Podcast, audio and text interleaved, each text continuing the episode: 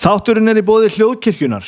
Hljóðkirkjan er með fjóra þætti á dagskrá í hverju einustu viku. Mánudagar eru domstagar og töfrafatan þáttur síðasta mánudags er eitthvað sem enginn skildi missa af baldur og flosi, ræða síðan drauga fortíðar á miðvíkudögum og ég vil sérstaklega minnast á auka þáttin sem datin um síðustu helgi þar sem er skiptu hlutverkum og baldur saði flosa frá henni stórkostlegu antetju berfætta bandítnum.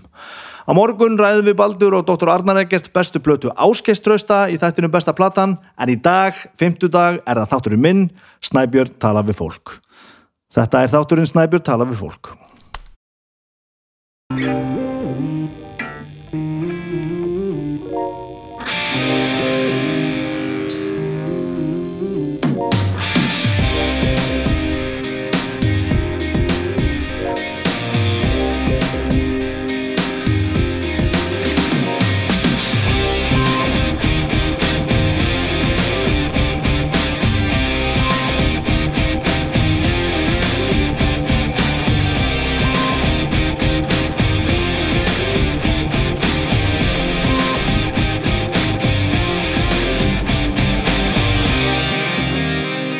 Já, komið sæl, velkomin í Snæbjörn tala við fólk. Ég heiti Snæbjörn og ég tala við fólk.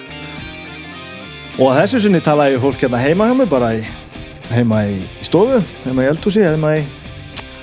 Já, þetta er svona bara opir í mig. Ég veit ekki hvort ég kallar þetta stofu eða eldhúsi eða borstofu eða hvað þetta er. En eftir tvo, tvo þætti, tvær vikur á, á, á faraldsfæti þar sem ég talaði við Magna á Akureyri og Gunnundís á Húsavík og allar hundakústir þá er ég aftur komin heim og viðtal, viðtal sem er í dag það er tikkið upp hérna bara við borðið heima. Gott gott. Það varð úr að ég fór heim eftir sem sagt þar síðustu viku. Þar síðustu helgi fór ég eh, kom ég hérna til Reykjavíkur aftur og fór í vinnuna það skipta sumafríinu svona þessu til að halda auðlýsingastofun í gangandi sem er mjög gott. En úr var það að ég fór einn fór einn hérna uh, söður yfir heðar og búin að vera hérna einn í heila viku, sérst alla síðustu viku. Agnes og krakkarnir bara á Húsavík og, og ég tók þetta í e, e, fullkominn slaka svona, svona algjöran, ég gerði ekkert ég fór í vinnuna og ég fór heim. Ég horfið á sjónvarpið og ég passaði að muna eftir að borða að því að ég áðan stundum til að gleyma því að borða þegar ég er eitt með sjálfa mig? Það er ekkert, ekkert endilega verið lögmál að ég sé góður í að sjá um sjálfa mig svona, þegar ég er einn. Uh, og svo bara horfið ég á, já, horfið á sjónvarpið spilaði tölvuleiki. Ég veit ekki, spilaði eins og gítar og eitthvað. En ég bara tók mjög meðvitt það ákvörðunum það að gera sem minnst, ég fann það þeim leið og ég kom inn í slakkan og kyrðina að ég var döð uppgefin og og fóð markvist í það að hérna að bara kvíla allt rastlið og bara náðu borgu og það gekk ljómandi vel. Svo kom Agnes hérna, um þessa helgi bara núna síðustu helgi. Krakkarnir ennþá fyrir fyrir norðan, um og afa og, og Agnes just að fara, fara, fara í vinnuna líka. Og bara meiri slaki og við erum bara búin að vera í því að kvíla okkur og, og hafa það gott. Og mikið döjöfull er það gott en svo náttúrulega bara tekur lífi við og við höldum áfram og næsta helgi er, er vestlunum hana helgi og þá eru hálfvittur að spila fer ég með hálfvittum í miðgar á förstak uh, Valaskjálf og lögadag eigilstaðir og svo er græni hatturinn á sunnudaginn. Uh, og það eru miðar í sölu og tix.is og þetta verður örgulega ægilegt djöfulsi skrall. En eitt skal nú sagt samt ég er nú að tala þetta henni hérna úr upp á hátegi hérna á miðugundegi bara hálfum sólarhinga ára þessi þáttu fyrir loftið og, og þegar ég fletti fretta síðan núna er ég nú svo sem ekkert ég er ekkert þúsund prósent vissum að ég sé að fara að spila um helgina með að við mögulegar hertar aðgerði varandi COVID og samkomiðbann og fjallaðar blað, þannig að ég er nú svona svo sem aðeins að e, já, ég fylgist nú aðeins með frettum og svona, veit ekki alveg hvernig næsta helgi verður sem að væri náttúrulega leðilegt en vissulega skiljanlegt en kannski stærra mál hvað það var þar fyrir mig allavega og okkur Agnesi er að við ætlum nú að gifta okkur hérna bara eftir bara svona svo tíu daga fyrir norðan. Og ef að framfer eins og mögulega geti hort að það verði hert á öllum öllum vikstöfum þá er ég nú ekkert viss um það að við, við náum að tellja þetta brúkaup sem er svona já, svona svolítið harkalegt sko. Svo sem ekkert ekkert óeyfistígalegt að fresta þessu einu brúköpi þegar þú komið með hátt, hátt á annað hundra manns á, á, á bóslista og aukstar út á landi og fólk er búið að panta sér gistingu og fólk er búið að koma frá útlöndum og er að koma frá útlöndum og alls konar þá er þetta nú ekkert, þetta er engin óskastaða, það, það, það viðkennist en við erum nú ekki og mögulega þessi þáttur fyrir í loftið þá er nú kannski komið einhver, einhver hérna skýrari myndið að hvernig það verður en við erum við tökum þetta nú bara á eins miklu aðrileysi og við getum sko og, og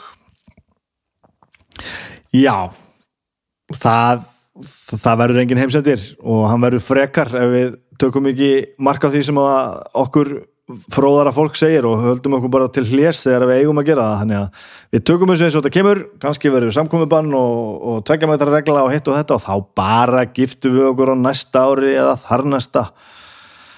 Eða eitthvað. Ég er ekki alveg svona lettur á þessu, ég viðkynna það. Ég er fann að hlaka svolítið til. Það verður allt í lagi það verður allt í lagi. Viðtal við í dag er við Ernur Hönn um, það tók svolítið uh, óvanta stefnu þetta viðtal. Ég baði henni hérna með frekar stuttum fyrir var að koma og hún var náttúrulega ekkert nema eins og alltaf bóðinu búin og brósandi og hlægandi og bara já, já, já og til í allt og mætti bara í spjall og það var ægilega gaman.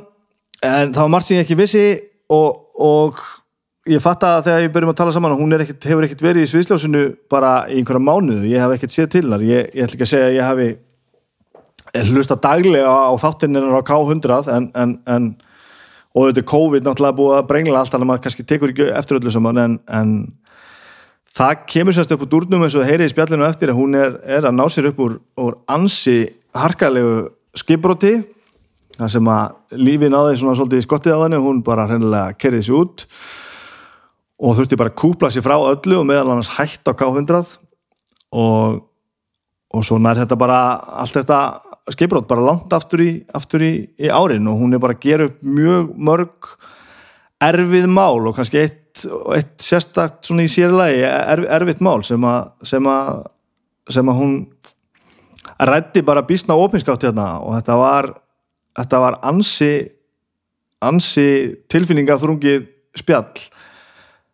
Um þetta var ekki bara á þessum, þessum, þessum, þessum nótumöldum fórum við yfir lífið og ferilinn og allt saman, hún er alltaf ægilega skemmtileg og þrátt fyrir að vera bara í, mitt í, í endurhefingu og bara ná sér upp úr öllu sem hún þarf að ná sér upp úr. Þá mættu náttúrulega bara hérna brosandi og hlægandi og alveg glæsileg eins og hún er alltaf og bara og við fórum yfir, fórum um, um viða völl og töluðum um hitt og þetta og þetta var þetta var mjög skemmtilegt spjall og í rauninni í alla staði mjög gefandi spjall en, en, en þið skulle alveg vita það að þetta er ekki, þetta er ekki bara einhver indislustun, það eru alls konar mál hérna sem að, sem að er erfitt að tala um og erfitt að ræða. Og eins mikið og ég skora nú á einhver öll að flýja það ekki að, að hlusta á þetta því að það er okkur öllu, öll, öllum holdt að horfast í auðu við veruleikan og hvernig hann er og, og, og, og hlusta á það sem aðrir hafa upplifað þá er þetta bísna erfitt. Og ef þau eru ekki rétt um aðstæðum þá myndi ég alveg, alveg alveg geima það að hlusta og gera það bara í góðu tómi þegar ykkur lífi vel.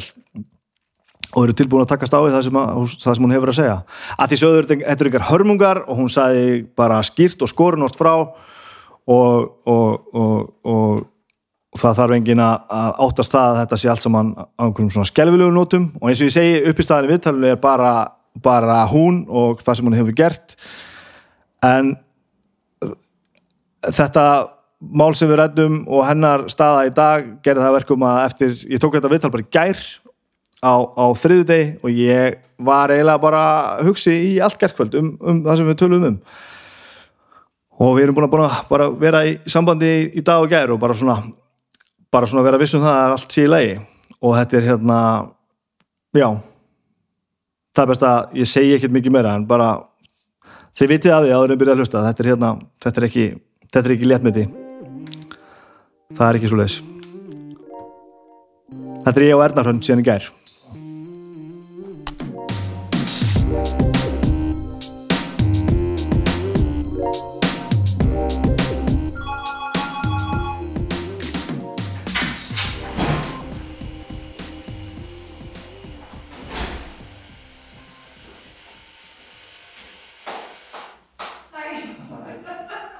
Hvað sér það? Já. Hey þetta? Frétta, það er bara, þú veist Þetta bara, bara Nei. Já, viltu mjólk? Nei Það er hérna bara sumar og allir fyrir norðan og Já, það. Nefna Og- þú. já, ég er búin að vera hérna sko, komin það um sem sagt síðustu helgi sko, þess fyrir tíu dögum Ok. og Agnes kom svo núna um helgina krakkandur fyrir norðan oh, næs. svo erum við bara að fara að norður að gifta okkur Er það ekki? Varst ég hafa heyrt eitthvað um það? er bara Hvenær er gifting? 8. Í alvörunni? 8. augusti, já Og allt klart? Nei, það var alls ekki En já, já, þú veist þetta er nógu Já. þetta, verður klárt sko og nógu margir í kring, kringum okkur að hvað heldur þetta verið ekki leið? Jú, jú, ég er bara nýbúin að þessu. Maður er eitthvað neginn svona, það er gott að klára þetta. en þetta er ógslag. Svo hræðilegt gott að klára það Við vorum alltaf með svo ógeðslega stórt. Það voru 220 sem mættu. Fuck Já, Hvað gerði það? hafna fyrir. Ég, það er bara, við erum byrjuð Þannig að Erum við byrjuð? ef þú vilt sko Já, ertu, veist, er- ertu með vídeo eða eitthvað? Nei, Ok, hjú. Nei, nei, engar Ég er fyrir eitthvað að ræða mig. Hann bara, þú veist, þetta er eiginlega vídeo. nei, nei, nei, nei, nei. Ok, Ég er bara old school sko Gekkja. Oh my god. uh. Já, Oh my hva- hvar heldur þið það, þið það? 220 manns Já. við vorum sérst í Hafnafyrði í kirkjunum þar, stóru. Svo vorum við hérna, vorum við í frímarhúsinu í Hafnafyrði. Já, Með veisluna, snýrum öllu við og bara, það var geggjað sko. já, maður þekki svo marga sko Allt og margar. alveg bara Ég er ennþá að fá martraðir yfir þeim sem ég döði ekki sko. Æ, er hræðilegt. já. Takk fyrir það, gott að heyra er, er, Það er einmitt það sem ég er að gera núna Ég er bara, Þetta er svo erfitt af því að þú byrðir þessum þá verður að byrða þessum og þú byrðir, þú veist, ég veit það Ég veit svo það verður maður einhvern veginn að komast yfir það, ég held að það sé máli. Já, og þú veist, það var eitthvað sem sagði við mig bara veist, Þetta er, þetta er fokking brúðköpið þitt, þú ræður þessu bara Já, En þú veist, það það er samt flóknar það. Já, og maður geti, það, það, í alvörunni Það geti verið þúsund mann, sko Ég veit Það það, og bara- það er ekkert mál. Það væri bara ekkert mál, sko En það er ekki góð hugmynd samt. Nei, og eins og við gerum það, þú veist, það er bara, ok, við, hérna, hér er bara, þú veist, fjölskyldan og svo bara áttaði með því að, sko, fjölskyldan mannsins míns er bara svo ógeðslega stór Já, að, þú veist, það voru bara allt í einu komið bara fjölskyldan okkar voru hundra, ég bara, já, já, já, já. ok, við getum ekki að kvötta þar, við erum bæði, þú veist, mikið fjölskyld fólk, en hann reyndar sko einbytni, þú veist sem þetta ennþá finnara, hann er einbytni og ég á tvo bræður, það er ekki svo nær nei, nei. umhverfi sér risa, en það er allir hinir, sko. Og allir víni líka. Og svo koma vininir og það er bara, uh, ég er að vinir, ernu vinir og ég var farin svona ókæpitu, þessi nú sameilur, hann má vera þinn megin, svo ég geti bætt við hérna, veist, og maður verður, klikkaður, sko. Veist, að, hérna, og svo þegar fólk, sko, við hugsaum, ok, við erum að bjóða bara eitthvað seint, það var rosa mikil afföll, nei, það voru rosa lítil afföll, komið, Við erum samt að halda út á landi, sko. Já, það var Þa- líka einn sem sagði með það, þá koma svo fáir, en það var reyndar ekki þannig heldur, sko. Það er lígi, sko, það er allir að koma. Þetta er alveg, það er það, brjólað, já. sko. Þetta verður alveg bilað, sko. Þetta er bilað, það sem að sko kannski voru, eh, ekki mistökin endilega en þú veist, þegar fólk fór að ábúða sig, það bara, heyrðu, hér er gluggi til þess að bjóða þessu, hér er gluggi til að bjóða þessu. Þannig að, þú veist, en þetta var ekki ekki þetta verður skemmtilegt. Ég skil alveg hvað þetta að segja, sko. Þetta verður gott að klára þetta veist, Ég lakka geðið til, þetta verður ógeðslega gaman En ég, þetta verður líka svona ah. Og svo heldur maður að það sé ekkert mál, sko. Að Það sé ekkert rosalega margt sem það að gera. Það er ekki rétt. Nei, það sagði, er já, verður ekki bara basic. Já, bara svona, veist, höldum bara matarvesuninu bara frekar einföldu og svo er þetta bara svona og þú veist, ekkert vesen með þetta og svo bara þetta þarf að gera, Já. þetta þarf að gera þetta þarf að gera. Þú veist að mér eða vantar einhver ráðvinni minn já, potið þetta að ringja, samdægurs bara, herðu, shit Oh my god, þú veist, og það var eiginlega sko, það sem var eiginlega erfiðast var einhvern veginn að raða fólkinni á borð. Er þið búin að því? nei, sko, Nei, ég, sko, sýstir nei, hérna, kona bróðum mín sem vera er, hún er náttúrulega bara svona hún er bara viðbúra stjóri, bara geðveikt. bæði, bæði atvinnu og bara í lífinu, sko, hann að hún er bara búin að ég fæ póstur á henni bara oft á dag, bara, herðu, og bara, já, já, já, já, já, já, gera þetta, já, alveg Það er reyndar snill já, það er frábært sko. Og við erum líka búin að læra það bara ég er um 40 eitthvað sko að leifa fólki líka að hjálpa sér sko. Aha, þú veist, ég veit. maður, þurft, maður þarf að læra það sko. Og bara, já. það kemur einhver og segir bara ef þú vilt að eitthvað hjálpa ykkur til og bara, já takk og svo heyrir maður aldrei í jónu sko. Nei, nei, í stað fyrir að segja bara, ok ertu til í að? Bara, það er það nefnilega. Já, og það finnst öllum, öllum gaman. Maður er ekkert að kvelja fólk sko. Þannig að, Ég er nefnilega alltaf að skrifa það það, ég er alveg, sko, mér finnst ég ekki vera stjórnsöm, en ég einhvern veginn þarf alltaf að hafa svona haldið í taumana og þegar ég er í, sko, hárinu, það verður að greiða mig fyrir brúðköpið, þú veist, við erum, við erum að tala um brúðköpsdagur, æðislega næs heim að vera að greiða mér og rétt orðin fyrir förunina, þá er ég ennþá bara, þú veist, mér gera í símanum sem er út í saljáli og hver satt þar, já, og móti honum er, já, og þú veist, þurft að prenta þetta allt út, náttúrulega ljósmyndapappir og svo þurft að koma svo út en þegar ég, þú veist, gætt lokað þessu og hendur sér frá mér, þá byrja ég að grænja þá bara þú veist, mikið spennufall að ég bara, sér loða sér ekki byrja að mála mig, þú veist, ég var bara og ég bara, ég er ekki með kampavíni einhver staðar hérna og já, æ, þetta er eitthvað svo þetta er skemmtur þetta og þú veist, hann verður að vera fullkomlega ófullkomin maður má, þú veist, það er ekkert sem heitir að vera eitthvað perfect, ég meina, halló, við munum eftir þessu sem klikkaði. Ég var eiginlega að fara að segja það, mann langar heldur ekki að þetta sé eitthvað svona, þú veist, já, svo er þetta gert og þetta gert og allt svona eftir einhverju prógrami og allir svona að passa sig, sko, af því um hvað er þá að tala? Þú veist, það verður að vera eitthvað um að tala en þú veist, já. En maður samt, það er sem þetta þarf að vera lægi, sko, Já, og maður er bara, svo sillilegt ef að, þú veist. Að mín stærsta mastur er bara bjórin klárist, sko. En, en Já, ég held að það gerist ekki. Nei, ég myndi bara, þú veist, verður bara með nóg. Það lítur að vera að skilja sig eða bara að selja þetta á að seinna. Facebook og eitthvað. Já, við hann að bænum, við vorum ennþá að klára já, klára síðustu rauðvinsflöskuna núna. Giftum okkur sérst 15. júni fyrra. Og síðasta flaskan var opnuð í byrjun júni á þess ári, vel gert. Það er bara ekkert að því að ég afgang. Nei, það er ekki, það er þegar þú segir það, þetta er frábært. Það er bara frábært. Þetta er bara verkefni. Herru, mér langar bara, mér langar að vita allt um þig, allt. Ok, Ég veit ekkert rosalega mikið um þig, ég veit bara tvær, þú, þú veist, erum við ekki á Hrafnagil eða? sko ég fæðist á Akureyri. Já, þryggja ára að flytja við inn á Hrafnagil. Þú bjóst á Akureyri fyrst? já, All right. Yes, þarna vorum við bara í, í, í hérna þorpinu sko. Og mamma og pappi ákveða að flytja inn sveit og þá er náttúrulega litla sko þorpið þar sem er náttúrulega ristort í dag. Þú veist, hratningaskóla hérna. Og svo hinum megin við er svona stort hverf í dag en þarna voru kannski svona sjöhús skilur, Vá, það ok. var pílnýti en samt á þessu litla bletti þú veist, þá er alveg alls konar skemmtlegt fólk eins og Aron Einar landslistjálfari fótbolta, hann fættist þar til þess að móti mér í húsinu Já, ok móti fullt af skemmtileg fólki sko.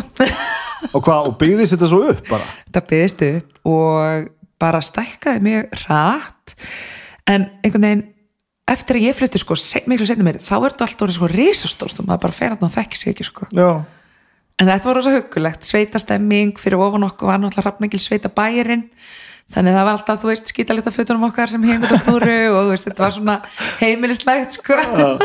Það var kúabú en að þú hérna segir með bæinn að því ég, búin- ég var að pæla þessu að ég veist, og já, Hrafnagil og ég hef oft hugsað því ég keiri fram hjá hvað er gilið? Hvað er Hrafnagil? Hrafnagil er sérst bærin sem bara er beint fyrir ofan þetta litla þorp. Sérst, Hvorum einn? sko innar í sveitinni. Já, já, og gilið þá þar fyrir ofan ekki ég veit svo sem ekkert af hverju það heitir þetta sko, þú er alveg þú ferði Það. Það hlýtur að vera til? Já, ég fyrir það, það er það sem ég Ferð í geri. það. þannig að það er góð spurning. Og hvað gerir fóröldræðinir? sko pappi er rafvirki og þessi, hann vann inn á Akureyri fyrst í slipnum alltaf og, og svo stopnaði hann rafeyri á samt nokkrum öðrum. Ok, um, og svo setna meir fór hann yfir í Ískraft og hérna hefur verið sölustjóri þar. Eftir hann flyttu söður, fyrst var hann frangatastjóri á Akureyri og svo náttúrulega elduði mig, skilja þeir fór söður það er önnur saga, skilur eða barnabötnin, kannski ekki mig. En hérna mamma var bara svona einhvern veginn allt í öllu. Og náttúrulega bara fáránlega dugleg húsmóðir. Já. sjáum okkur hérna vilsingana og hún þreif barnaskólan hún var hann á kristnesi veist, við umunun og svo fór hún bara í læknaréttaranám setna meir og hefur unni við það síðan. Já og hérna er að vinna á sérst á landsbítalunum í dag þau hefði ekkert svona eiginlegt erindi á Það Eiginlega bara-. Bara næsa búðar veit ekki af hverju raun verið farað ánga eftir svo mikið spurt af því en, en við allan að nuta gósa að að halast upp í sveitinni Já, það er gott sko. já og ég saknaði stundum með mína grísi sko Já, hvað varstu lengi þannig? ég í raun og veru sko ég var það þang til ég var sem sagt, kláraði hann að rafningiskóla og fæ svo að fara á heimaðist í Emma þegar ég er 16 já, já, 10 kilometra í burtu. Takk fyrir takk já, vistina Já, vistir, þetta var geggja sko. og þarna sko eins og mamma og pappi byggu enn í sveitinni þannig að ég fekk dreifbílstyrk fyrir 10 kilometrana vel spilað, vel spilað. Og hérna var það sérst fyrsta ári mitt svo var ég á Hrafningili, annað árið þriðja ári var ég aftur sérst á vistinni. Og fjórða árið þá voru þau komin inn á Akureyri. Já, já, já þannig að já, þetta var svona, ég var með annað fótinn svona alltaf. Þetta er rosa passlegt samt. Ég bjóði mynd á lögum hérna á 12 ára. Já, og það var geðvikt sko. En þá var þetta pínu búið sko. Akkurat. Ég held að maður sé, þú veist, og, og 12 ára fættir húsaugur frábært, það var geðvikt sko. já, og svo bara svona, eitthvað, átján eða eitthvað, þá 20, 18, 20 þá hlutið til Reykjavíkur, þetta var eiginlega bara þetta Bara var, fullkomið. það var rosa passlegt sko. Akkurat. En já, ég get alveg ímynda með að þetta setja með börnin sko, Já, einmitt, maður svona einhvern veginn þegar maður alveg sko horfir á, þú veist, þau eru náttúrulega flest öll svo stóri dag, sko, en ég með eina sem er átt ára og hún er algjör orku sprengja, hún er á við þrjú og bara um leið að hún kemst út fyrir borgamörkin, þú veist, bara hestar, þú veist, og bara öll þessi dýr og öll náttúran, hún bara, óh, mér langar stundum að flytja eitthvað eins í börstu, en samt ekki. samt ekki Það hefur allt sinna kosta galla. já. og eru, e, e, þið eru þrjú sískinni ekki það er bara, það, það er bara þannig Ég er eina stelpan, já, Jenny er þrejum árum eldri en ég og Já. Binni fjórum árum yngri, já þannig að, yes, og þið eru öll í músík Þannig séð, já. Já, já, já. var það bara eitthvað sem Ólík. koma heima hana? Sko það er nefnilega, þetta er góð spurning að því að hérna uh, Mám pappi svo sem hafi ekkert verið eitthvað mikið í, í, í tónlist en þú veist, amma og afi alltaf í kórunum sko, amma á húsavíka mitt þau hérna afi var svaka tenor og amma rosa sóbrann, þú veist, það var allt svo gaman og í kringu, þú veist, maður var að hlusta á, þú veist, messurnar þegar maður fekk að gista og sungi með öllum lögum og, og rattað og þetta var dásamlegt, það er bara grunnurinn á tónlistaruppildinu myndi ég segja, sko. Ok. það er alltaf dásamlegt. Og svo sérst hinu megin, sko, pappa megin þar var sérst langafi í kór og hérna kalla kór, akkur er að geysir skilur, þannig að veist, þetta er alveg ríkt í fjölskyldunni. Já, en við erum kannski svona þekktust kannski eins og ég og Jenny til dæmis, já, já, kannski þekktust þannig séð í okkar familju. En músík svona einhvern veginn bara þá bara svona sjálfsagt hlutur allir syngja bara og ekkert vissin Já, svona, en sko, svo horfum maður ofta á, þetta er svona, þú veist, ég var þetta, veist, hva, hva- hvaðan er ég eiginlega, því að, mér finnst þess svolítið ólík öllum einhvern veginn, þú veist, ég væri alveg til að vera bara allir alltaf heima að syngja og spila á píjano og, og sunnutum í háttegin, en þú veist, það er engin annar þannig, ég held, þú veist, ég er þessi ykta típa, sko, en hérna, þannig við erum ekkert, þú veist, þetta er ekki þannig eitthvað tónlistarheimili allir alltaf syngjandi en við hlustum ekki á tónlist. Já. og ég man mikið eftir bara öllum vínilplöturum heima og maður var að hlusta á, þú veist Bjartmar og Sværi Stormsker og, og bara, þú veist Bítlana og Elvis og alls konar þú veist, þannig að mikið hlustað og svo var mikið að partíi heima líka. Maður bara alltaf partíljón, jú, vissulega var tónlist. Ég, ég held þú verið að fara að segja mér bara já, það spiluðu allir á allt einhvern veginn. Af því að- af því þið eru, þú veist Já. að sko, og það er allt svona algjörlega straight forward eins og þetta sé ekkert mál. Nei, það það er það ekki sko. Ég hérna tók eitt ári í píanói. Þú veist, já, já fyrsta stig.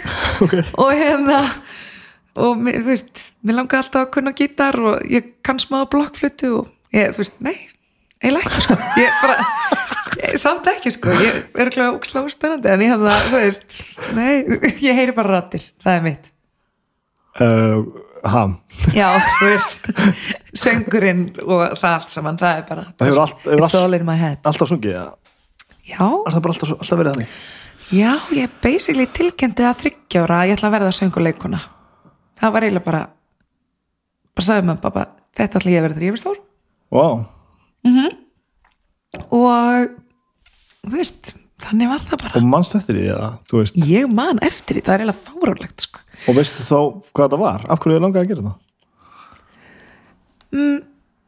Bara, þú veist, alltaf svo gaman að syngja og alltaf svo hávær og já, örglega alveg fellega aðteklisjók, bara eitthvað svo gaman, veit það ekki, það var alltaf bara fyllt mér einhver mega lífsgleði og þú veist, alltaf svo gaman að taka þátt í öllu. Svona já, hvæð og, og svo til í allt sko, uh, það allavega þannig þú veist, var það mikið til skilur, það var kannski minga með árunum en hérna það bara blundaði eitthvað svo í mér þú veist, það fylgdi alltaf bara þú veist, að syngja og svona þú veist, allt svo mikið gleði og gaman og bara skilja hvað ég meina? Og alltaf til ég að koma fram og svoleiðis. Já, já, alltaf háverst í tónment og þú veist alveg svo byrjaði ég að læra nýjára nefnilega. Það var nefnilega sko að syngja mér já, af því að þá einhvern veginn hafði ekkert verið í bóði fyrir krakka þú veist, á okkar aldri. Þá var bara tónliskóla eferðar og þar var bara svona, þú veist 20 ára eldri í söngnámi og þú veist, náttúrulega, þetta er ekkert pop, þetta er bara fugglin í fjörinni og eitthvað. Og ég bara, já, ég mér langar að, læra að syngja og hérna fekk einhver undan þá bara því að ég var svo unga fá að prófa, það var í nýju þarna endist ég alveg tíu ár. Já, ok. Ég hefði basically alveg geta orðið óperusönguna og söngjarnar minn segist en það sjá eftir mér að því hún ætlaði bara að gera mig að óperustjórnu. Ég fann það mér fljótt að það hendaði ekki mér og mínum karakter.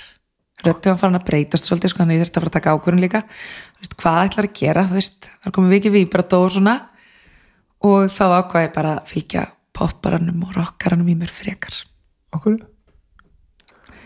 ég sá ekki mikið frelsi að standa með hendunum í síðum og, og Nei, í Já, og, og bara mér fannst ekkert frelsi í einhvern veginn þessu. Maður þurft að fylgja öllu svo formfast, þú veist, ég bara með nóturnar fyrir fram að mig, hér á ég að gefa crescendo og hér á ég að þú veist, vera lágar og svona, ég bara nei, ég verð bara að fá að gera þetta í mínu hjarta. Annars er þetta ekkert að fara að fungera þú veist, þannig að ég bara ákvað að taka þann slag sko, já, þannig að ég sé ekkert eftir því. Nei, en hérst áfram að, að læra að syngja. Nei. nei, þú bara, ég bara, sko, þetta var líka skrítin tímapunktur. Þannig að ég sko uh, 19 ára gömul ég er óleita fyrsta banninu mínu ég er í mennskólum akkurir að fara að klára og það er, veginn, það er svona allt í gangi ég lendi alltaf einhver svona nefndum þú veist, ég var í hérna, ég var í nefnd fyrir nýja heimavistana nýju heimavistina, Emma Vaffemavistina fulltrúi nefnda, þú veist ég veit ekki eins og af hverju var þar sko en hérna bara með einhverjum lögfræðingum og, og, og kennurum og ég hérna þannig ég var í alls konar einhverju svona þú veist, að fattur hvað ég menna þannig að þetta satt bara svolítið á, á hakanum. Ég bara, ok, þú veist að kannski út á tónfræðin, ég veist, ég var að detti verið hljómfræðin, hún var ókslega leiðileg. Og ég bara, ég ætla ekki að fara eins þú veist, af hverju þarf ég að klára þetta ef ég ætla ekki að vera í þessu? Þannig að já, þannig bara einhvern veginn endaði það. Varstu að byrja að syngja hana og veist, ofinbella fyrir fólk, já. Um, sko það er maður þarf að rifið allt upp sko, þetta er alveg langt síðan. Ég ætla að söng mikið þú veist, í söngnáminu þannig að þú veist, og ég ætla sko bara algjörlega að hérna, þakka fyrir námið. Að því leiti að maður var að gera svo margt, maður mikið að syngja mitt fyrir fólk og alls konar fólk. Veist, þannig að maður það var alltaf að vera þjálfum að koma fram. Veist, öll jólin flakkaði mellir kirkjana í sveitinni og þú veist, söngjólalög og svo fórum við inn á spítalan á hjúgrunni heimilinn og það var svo mikið þakklæti og veist, þannig að maður lærði mér snemma að koma fram. Mm. uh, þarna er ég raun og veru kannski ekkert mikið farin að að- að syngja annað en þú veist, jú, það voru sveitunga mínir fengum mig til að syngja bakartinn og einhverja plötu. Friðrik Ómar við kynntust þarna fyrir einhverju síðan og ég söng inn á sólaplötunu hans, hekka ekki að mér hælinn tók duett og, og bakarættir og hérna, þú veist, þá var eitthvað 15-16 já, ok, þú veist, þannig að þú veist, maður byrjaði að snemma. Svo var ég búin að taka þátt í einhverjum söngukeppnum og eitthvað svona líka hann þannig, jú, jú, maður var svona aðeins farin að þú veist, syngja ofinbeli og svo náttúrulega í leikusinu líka, fregjónsleikusinu já þú varst í svoleiðis já, já, Já, svo leysir virkli já, það er gaman. Harlaði maður á lífið. Það er margt sem gerist. Áhuga leikfélagunum sem að Já. maður sér ekki annar staðar. Og þar saminast náttúrulega bara leikonu og söngkonu draumurinn, sko. Já, já. Þannig að, það eru ótrúlega samkokur hérna, að taka þátt í áhuga. Það er svo skrítið að vera í að því að áhuga leikfélagi eru náttúrulega sko, það er jafn mikil vinna að vera í áhuga leik, leikfélagi eins og, og Alveg. meiri sko, í sjálfu sér. Já, og þú veit bara þarna þegar þú vilt það sko, á einhverju fórsendum, þú veist. Alltaf bara hver hefur sína fórsendur og það er magna að vera kannski með 10, 20, 30 mann sem að, þú veist, eru þarna bara því þið viljið það. Og það er rosalega tens það er tens og samt eitthvað svona það er eitthvað fegur í því að það eru allir að gefa sig alla í þetta sko. Já. Það væri ekki annars sko. nei, og ég saknaði stundum alveg þú veist, þessar orku. Hún er geggjuð sko. Er bara einmitt að því ástæð fyrir að tala um þetta. Það er einhver Já. orka þarna sem að bara verður ekki til ef þú innan allra gæðsalapa verður að vera á staðnum. Einmitt. þú ert þarna bara af því að þú vildir það. Það er nefnilega alveg þannig og þú veist, þú fær ekki krónu fyrir þetta og bara ánæguna og gleðina og hérna félagskapinn og þú veist, eins og ég segi, þetta var geggjað, þú veist, fremsleikur segir rosa stór hluti af minni sko og mínu lífi alveg frá kannski svona, þú veist, 13 13-14 ára já, þú alveg bara, þetta er alveg svona snemma bara. Já, ég var alltaf mjög bráðraska sko, þú veist, leit alltaf ótrúður miklu eldri en var og svona, og þú veist, 14 ára taka þátt í sumar á Sílandi þú veist, og, og hérna elsti meðluminn þá var sko 70, þú veist, þetta var öll flóran og, og þú veist, þar var hann alltaf bara með kanonur, Kalli Olges var einmitt stattur fyrir norðan og hann var bara tónlistastjóri og skúli Gauta hérna var leikstjóri, veist, þannig að maður lendir inn í bara svona einhverju geggju dæmi. Svo náttúrulega setna mér þegar ég fór í Emma þá fór ég sko ellima í leikfélagi þar. Og þar fekk ég leika Sally Bowles í Cabaret. Já, þú veist þannig að ég fekk fullt af svona þú veist eins og sé rosa góðu, góðri reynslu inn í inn í listalífið. Ætlaður ekkert að vera neitt annað? Fórst ekki, fórst ekki til skóla og var smöka bakka? Sko jú, ég, hérna, ég var á Tungumálbraut í mennskólum Akureyri og ég náði nú útskjáðast þaðan tveimur mánuðum ára en ég átti són minn. Alveg hérna með sjömána bumbuna þú veist að fara í síðasta upptökuprófið á tvíturs amalistæðin minn. Og sett spurningamerki hvort hann hafi bara verið indislegur starffræðkennar minn, það var hleyft mér í gegn tveim dögum fyrir útskrift. En hérna en að komast að því og það er að grafa þetta ég þyrft að gera senda hann bara lítið bref og... en ég, já, ég, fyrst, ég hugsa þetta hefur verið bara, já ég hef örgulega bara staðist þetta með glans við skulum bara múna það. Já, þannig að sko, já um, ég vissi svo sem aldrei hvað mér taka við, ég vildi bara fylgja þessum draumi. Þú veist, mér langaði bara að vera í músík uh, og ég vissi svo sem ekki þú veist, hvort ég fengi einhver tækifæri til þess á Akureyri. Þannig að ég bara fór mína leiði til þess að skrá mín án fyrir sunnan til þess að, og þetta er óslega skrítin saga og þú veist kannski lýsir að meðvirku herninu sko, ég, ég er 23 á son minn, það er 21 mánuður á milli fyrstu tveikja barnana mína og þannig að 22 ára að verða er ég sérst komið tvö bönn, skilur. Það gerðist allt mjög hratt. Út í sambúð þarna og allt svo leiðis uh, ég, ég sérst skildi við basföðu minn þegar ég var óleitt að stelpunni Barn tvö, já, tvö, barn númer tvö. já. sólinni minni, þannig að hérna þetta var mjög skrítið ef maður horfður tilbaka. Þannig að þann, ég sérst, komið tvö börn fór að vinna á spítalanum. Þú veist, reyna ég að í mig á var hann að vinna á lager og spítala og svo fekk ég vinni á FM Akureyri í útvarpi með Freyri Gómar og Heyri Björk og fleiri Já, góðum. já. og ég hugsa bara, veistu, ef ég ætla að verða eitthvað þá verði ég að komast í burtu og ég hugsa alltaf, ég ætla að vera kennari. Ég hugsa ég verið kennari, ég ætla að góði kennari. Og þá fekk ég alltaf spurninguna frá norðafólkinu, að þú veist það er alltaf náttúrulega svolítið stór og mikil kjarni og þau vil ekkert sjá akureyringuna fara í burtu. Þá var alltaf spurt býtu en það er kent hér í háskólum akur, akkur ætlar að fara í burtu akkur verður ekki hér. Ég var alveg ráðalögis, ég bara, þú veist í meðvirkningskasti bara, hvað á ég að segja? Ég get ekki sagt bara ég verða að komast í burtu. Þannig að ég ákveð að í tákmálsfræði í háskólanum í háskóla Íslands. Og ég flytt söður og fyrir tákmálsfræði af því að það var ekki kent á Akureyri. Bara til, bara til þess að hafa ásökun og komast í burtu? Í, í raun, sko bæði og. Af því að bara þegar ég kemst að þetta námi kent þá bara þetta er alveg eitthvað sem er mjög áhugavert. Og þá bara fer ég skröldi ég söður með krakkana í aftursætinu bara jæja, hvað tekur við? Þú veist, ég er að byggðast eftir íbúð uh, ég er komin inn í námið ég er ekki komin leikskólapláss þetta hlýtur að reddast, veist, ég var bara þarna skilur þau, þú veist eins og þryggjára pínu lítil kríli, þannig að ég var bara ókslega hugurök og, og gerði þetta svona og svo bara einhvern veginn púslaðist þetta allt einhvern veginn, það bara reddaðist. Og þú fór að læra, lærið tákmálsfræði Já, ég fór í táknarsvæði tvö ár. Treysti mér ekki túlkin fannst einhvern veginn svolítið yfirþyrmandi að vera rödd annar mannesku já, er það það er þriði ári útskýrðu. sko. Túlkurinn er sá sem að þú veist, fylgir hirtnalösu, hirtnaskjörstu manneskinu allstaðar og talar fyrir hana það sem hún er að segja. Já. og þú veist, er milliliðurinn. Og ég veginn, það óks mér pínu augum veist, var ekki alveg nógu með nógu mikið sjálfstyrst til þess. En ég fór í uppbyldus og mentunumfræði það tók, sérst, það var þriði ára mitt. Og svo ég ennþá eftir björritgerina ansans vandræði. En mér til málspota þá sérst, hjálpaði ég vinkunum minni sem var fatlaði nefandi í saman námi, ég hjálpaði henni með sína ritgerð en ég ger ekki mína. Og þetta er svolítið kristallast hvernig Erna hann lætur stundum. Lætur sig svolítið setja hakamum og hjálpar öðrum. Var engin önnum tengingu tákmáli nema bara tektur engan.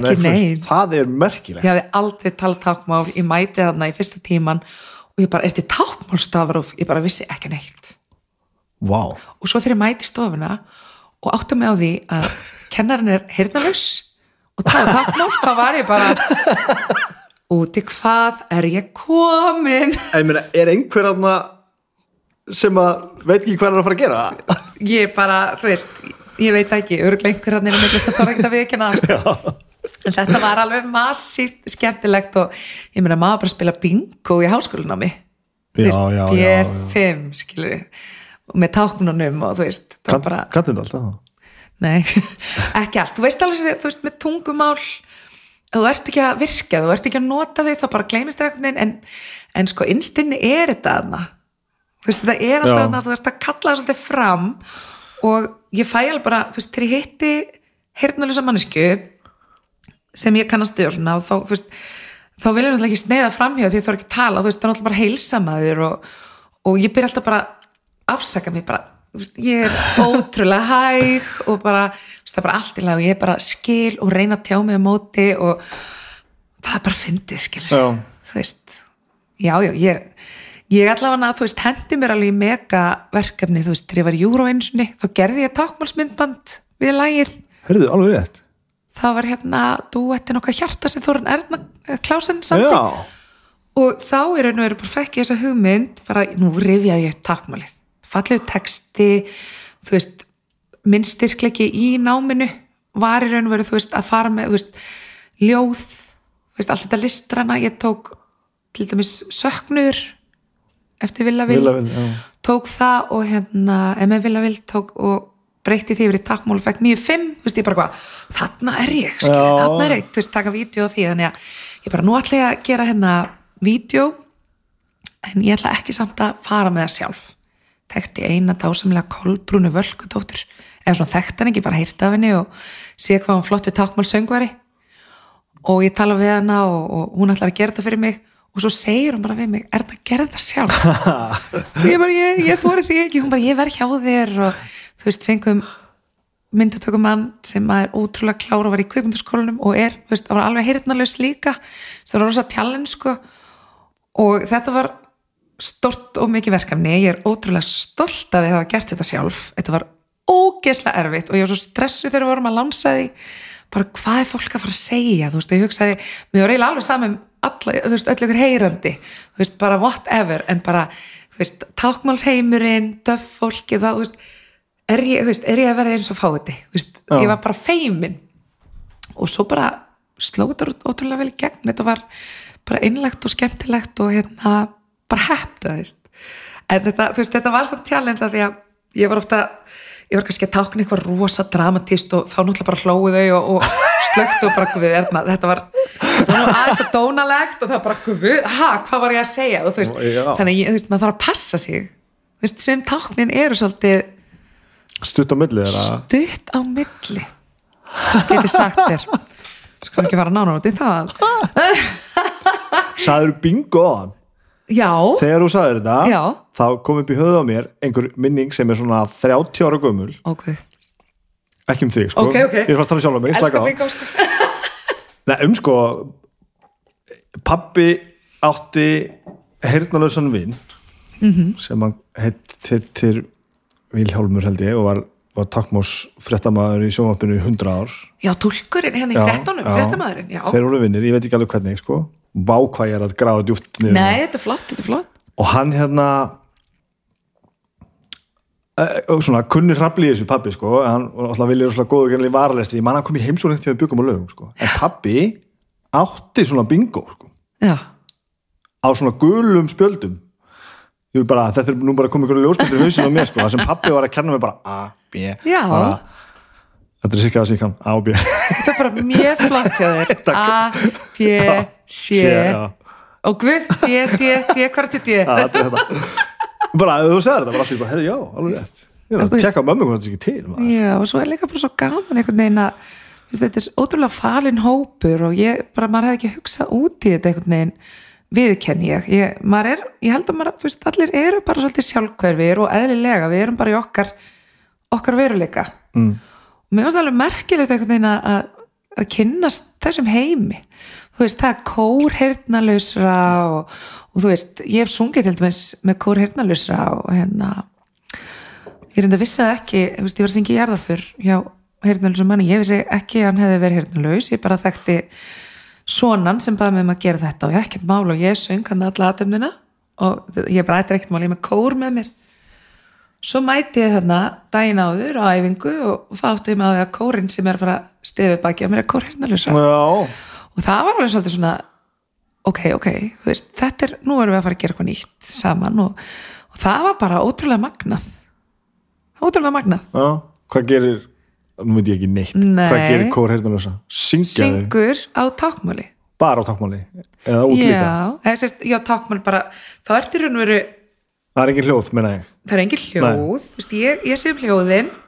Þau sjá um já, táknin hendunar og hérna og þetta er eiginlega svolítið speklun af því að kórstjórin basically situr á fremsta bekk og þau eru já. í eltingaleik sko, vá. og þetta er ótrúlega falleg og ég sko reyndar hef líka sungið brúðköpi sem að það sem að sko brúðurinn þess að stelpan sem ég hjálpaði með björitgirinn í takmálinu, Ástís hérna hún sérst að gifta sig og maður, hún náttúrulega nota takmál maðurinn hennar var enskur, er enskur og píjónuleikarin og þú veist þannig að þetta var svona al, á, við vorum svona alls konar máli þú veist þannig að það var íslenska það var enska, það var tákmál og það var tákmál söngkona sem var með mér og þetta fór svona alls konar bóðleiðir þannig að þetta var veist, ég, ef ég hef ekki verið tákmál svona þá hefði ég ekki upplifað allar þessar hluti er hefur gefið mér ótrúlega mikið sko.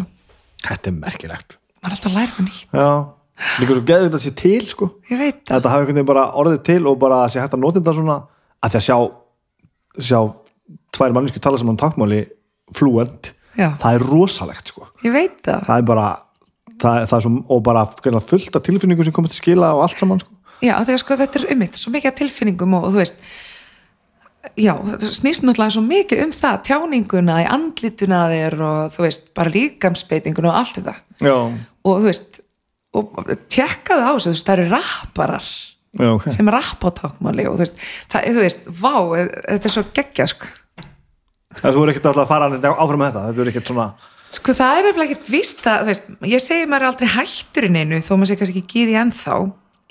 Þetta fer ekki neitt. Uh, ég samt, er þessi manneskja sem er alltaf að byrja einhverju og klára ekki alveg og ég get nú sagt það, ég sendi nú post hérna fyrir hálfum mánuði á gamla leiðbynanda mína því að þrísusunum reynd að byrja aftur á réttgerni og ég á alveg bara stóra tösku í kjallaranum þess að ég er alltaf, þú veist, búin að ná mér í fullta heimildum og alltaf að fara að gera og ég ætla til dæmis að skrifa um tákmálskór Já. Ísland, svo svona og svo bara einhvern veginn fjara það út um, ég kenni Eurovision um það, það er og svo en hérna ég sendir yfir tveim vikum bara mér langar svo að kanna, veist, ég veit að er alveg bara ég veit ekki hvað mörg ára liðin 12-13 ár, veist, er þetta fyrnt? Get ég tekið einhver áfanga klára reitgerina, mér langar svo ekki að setja endapunkt. Já. og átt þetta því að alltaf þegar ég er að sækja um vinnur þá bara, ég hef lokið námi og það bara, oh, stúdenspróf, þú veist, heitt skiptir einhver, þú ert ekki búin að klára það sko. þannig að það er á markmiðalistunum og þú, þú mynd tengja tákmálinu þá, þá gerir það? Já, það verður, þá er sérst, býjar reitgerið minni í tákmálsvæði um hvað verður hún er ekki alveg 100% en möguleik á músikinni geðvegt mér finnst það alveg liggja beinast við sko. og kannski, já, ég er engur stund að skrifa réttgerð, mér segja, ég elska að skrifa réttgerð sko, þannig að, come on, bring it on! En þú ert þá komin hingað ég er tvö börn? komið hinga já, og, og, og, og, þrjusar í gegnum þetta nám bara á, á þessum þreymur árum eða? já það var ótrúlega magnað, einsta móðir og eiginlega um leiði flytt söður þá byrjaði ég hljómsveit sem myndi Bermuda. Já, það er strax bara. Það er svo fyndið, það tengdist svo nákvæmlega því að vera komin, þú veist, söður þetta tengist allt. Að því að sko ástæðan fyrir að já, ok, spólum tilbaka. Ég er að keira söður með krakkana og ég er ekki komið íbúð.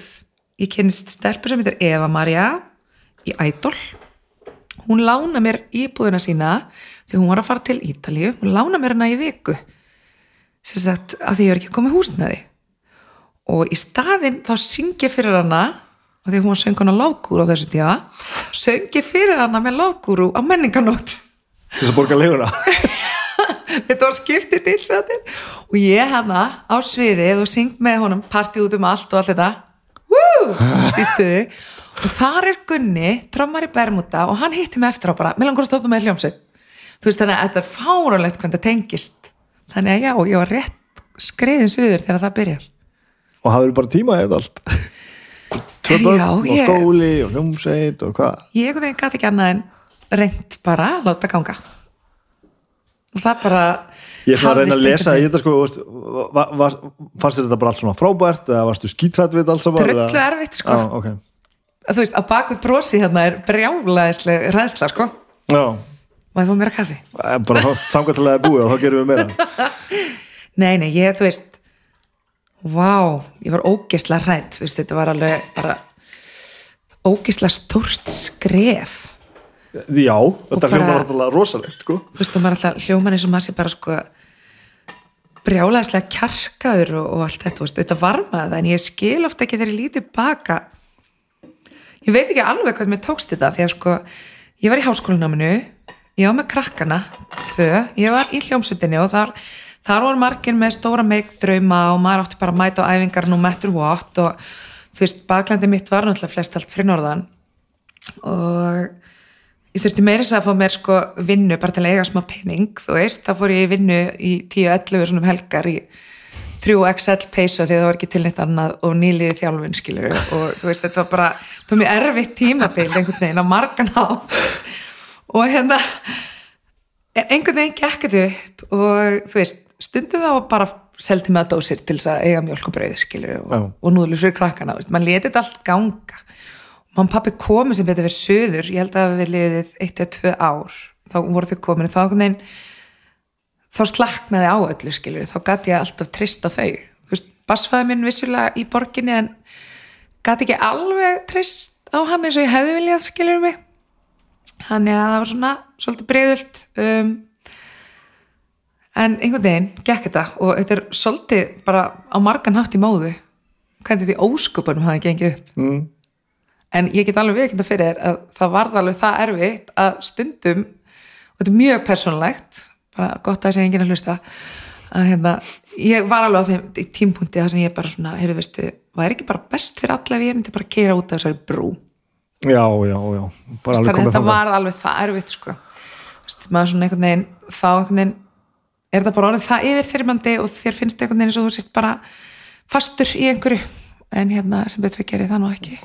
Og svo bara þessi yfirgengilega þreita, já þessi tilfinningar finnast eins og, að, eins og maður sé aldrei að komast út úr því þess sem maður er að gera. Já og bara einhvern veginn þú veist að finnast þú bara vera að drukna sko. Já, en einhvern veginn þá gekk þetta, ég var nú í fjögur ár í Bermuda þannig að þú veist maður var spilandi út um allt sko. Alveg bara, það kom alveg plata það kom plata allt sko. Hún kom út svona halvu ári held ég áður en ég hætti í hljónstinni tókum plötu, útgáð, tónleika og hérna í lok sumasins þá hvað ég. Já. Það þið hljótið hafa verið dörrullu duglega því að, þú veist, maður mann eftir þessu nafni bara, þú veist, þetta var ekki frægasta band á landinu. Nei, nei, en, við vorum allstað en þú getur, þú getur held ég sagt þetta við alla sem að voru við- viðlóða eitthvað sem þú tónlist eða á, á balli eða eitthvað og það muna allir hvað þetta var. Mm. -hmm. Svolítið magna batteri sem að segir mann eiginlega að þið hljótið hafa verið ævintilega dugleg. Já, við vorum það, þú veist, og það var náttúrulega ekkert oft sem að fekk eitthvað í vasan það maður var alveg komin svolítið leið á þessari, þú veist, setningu að að hérna, þú veist, við bara þetta skipti máli til að kynna nafnið, þú veist hversu oft heyrði maður þetta? Og það var bara ok hvað þekki þetta vel. guð mig góður bara já, allt bara þú veist góð kynning, góð kynning hérna þó við sem að fara á hurðina í raskatsfyrði og engin trygging það er bara ok, einmitt en ég er ekki fara að gefa böndunum að borða fyrir hérna pening skilur þú veist, þannig að maður þurfti alveg ofta að býta á jakslin og það, maður, það let alveg yfir sig maður let margt yfir sig ganga. Já, og kannski bara, já ég, og einhvern veginn þegar ég var hætt í þessari hljómsveit þá hugsaði bara mér langar aldrei aftur að vera föst í hljómsveit af því að þannig upplýða að vera föst í hljómsveit. Já. eina ástæðin er raun og veru fyrir að við máttur ekki ef þú veist gast er raun og veru afbókaði á gig er náttúrulega fronturinn, einu fronturinn hana. það var bara ef ég var að mæta í minni einu jáða fyrr, basically sko. Veist, og ég hugsaði bara, veist, við erum í effing pop hljómsveit. Þú veist, mér fannst þetta alltaf svolítið djúft í árun að tekið og þú veist, það var náttúrulega allt öðruvísi. Ég er náttúrulega, og ég set alltaf meira og meira og eftir á veist, ég er mamman með tvö börnin heima skilur það er öðruvísi fyrir pappan að fara út. Mamman er yfirleitt alltaf heima. Ég er mamman og á þessu tímabili einu sinni með pappa til þess að þú veist, vera heima hjá krökkunum, þannig að þú veist það tók ógeðslega mikið á mömmu hjartað að vera alltaf að fara og einhvern veginn fannst ekki alltaf vera þessi skilningur fyrir því. Ég átti þetta kærast það í eitt ár en þú veist, það var náttúrulega ekki mjög praktist af því að það var meðlumir í hljómsutinni þannig ekki að hann veri heima með henni þannig að það var ekki heldur. Þannig að þú veist en hérna, jú, þetta var hörku vinna. Mm. hörku vinna sko. Og hættur þú svo bara í bandinu af því það var bara orðið á mikið? Já, og kannski ekki þess verið eða eitthvað? Já eiginlega bara þú veist þú veist með eitthvað svona nervur mann langar að segja þér allt. Það er pínu óþægilegt uh, ég lendi bara í, í mjög leiðilega atviki sem eiginlega bara tók alveg steinin úr og bara einhvern veginn, já var bara til þess að ég gæti ekki hugsa mér að vera hana lengur. Já, já, ég var orðin þreytt náttúrulega, þetta var orðin löng og mikil kistla, þú veist, fjögur ár og, og þú veist, auðvitað náttúrulega skrítin tímapunktur vera að hætta, þú veist, loksins komið plata og eitthvað svona. En hérna það var bara já bara gerðist ljótur hlutur sem að sem var til þess að ég bara gæti ekki mér. Já. og eiginlega svona já, það vondur hlutur að ég er, bara að vinna úr með það í dag sko, Já, ok. 12 árum síðar. Þannig að þannig endaði eh, þannig fórum sjóferð þá. Já. og hvað varstu þá stöðu í þessu skóla og því öllu saman? Sko þá var ég alveg búin sko með skóladæmi náttúrulega og þarna sko hvort ég, jú, þarna ég er, er í skólanum þannig en þá og er raun og veru bara þú veist, björritgerinn er hann á næsta leiti og, og svo náttúrulega bara í kjölfari þá að detta inn í bara júróið.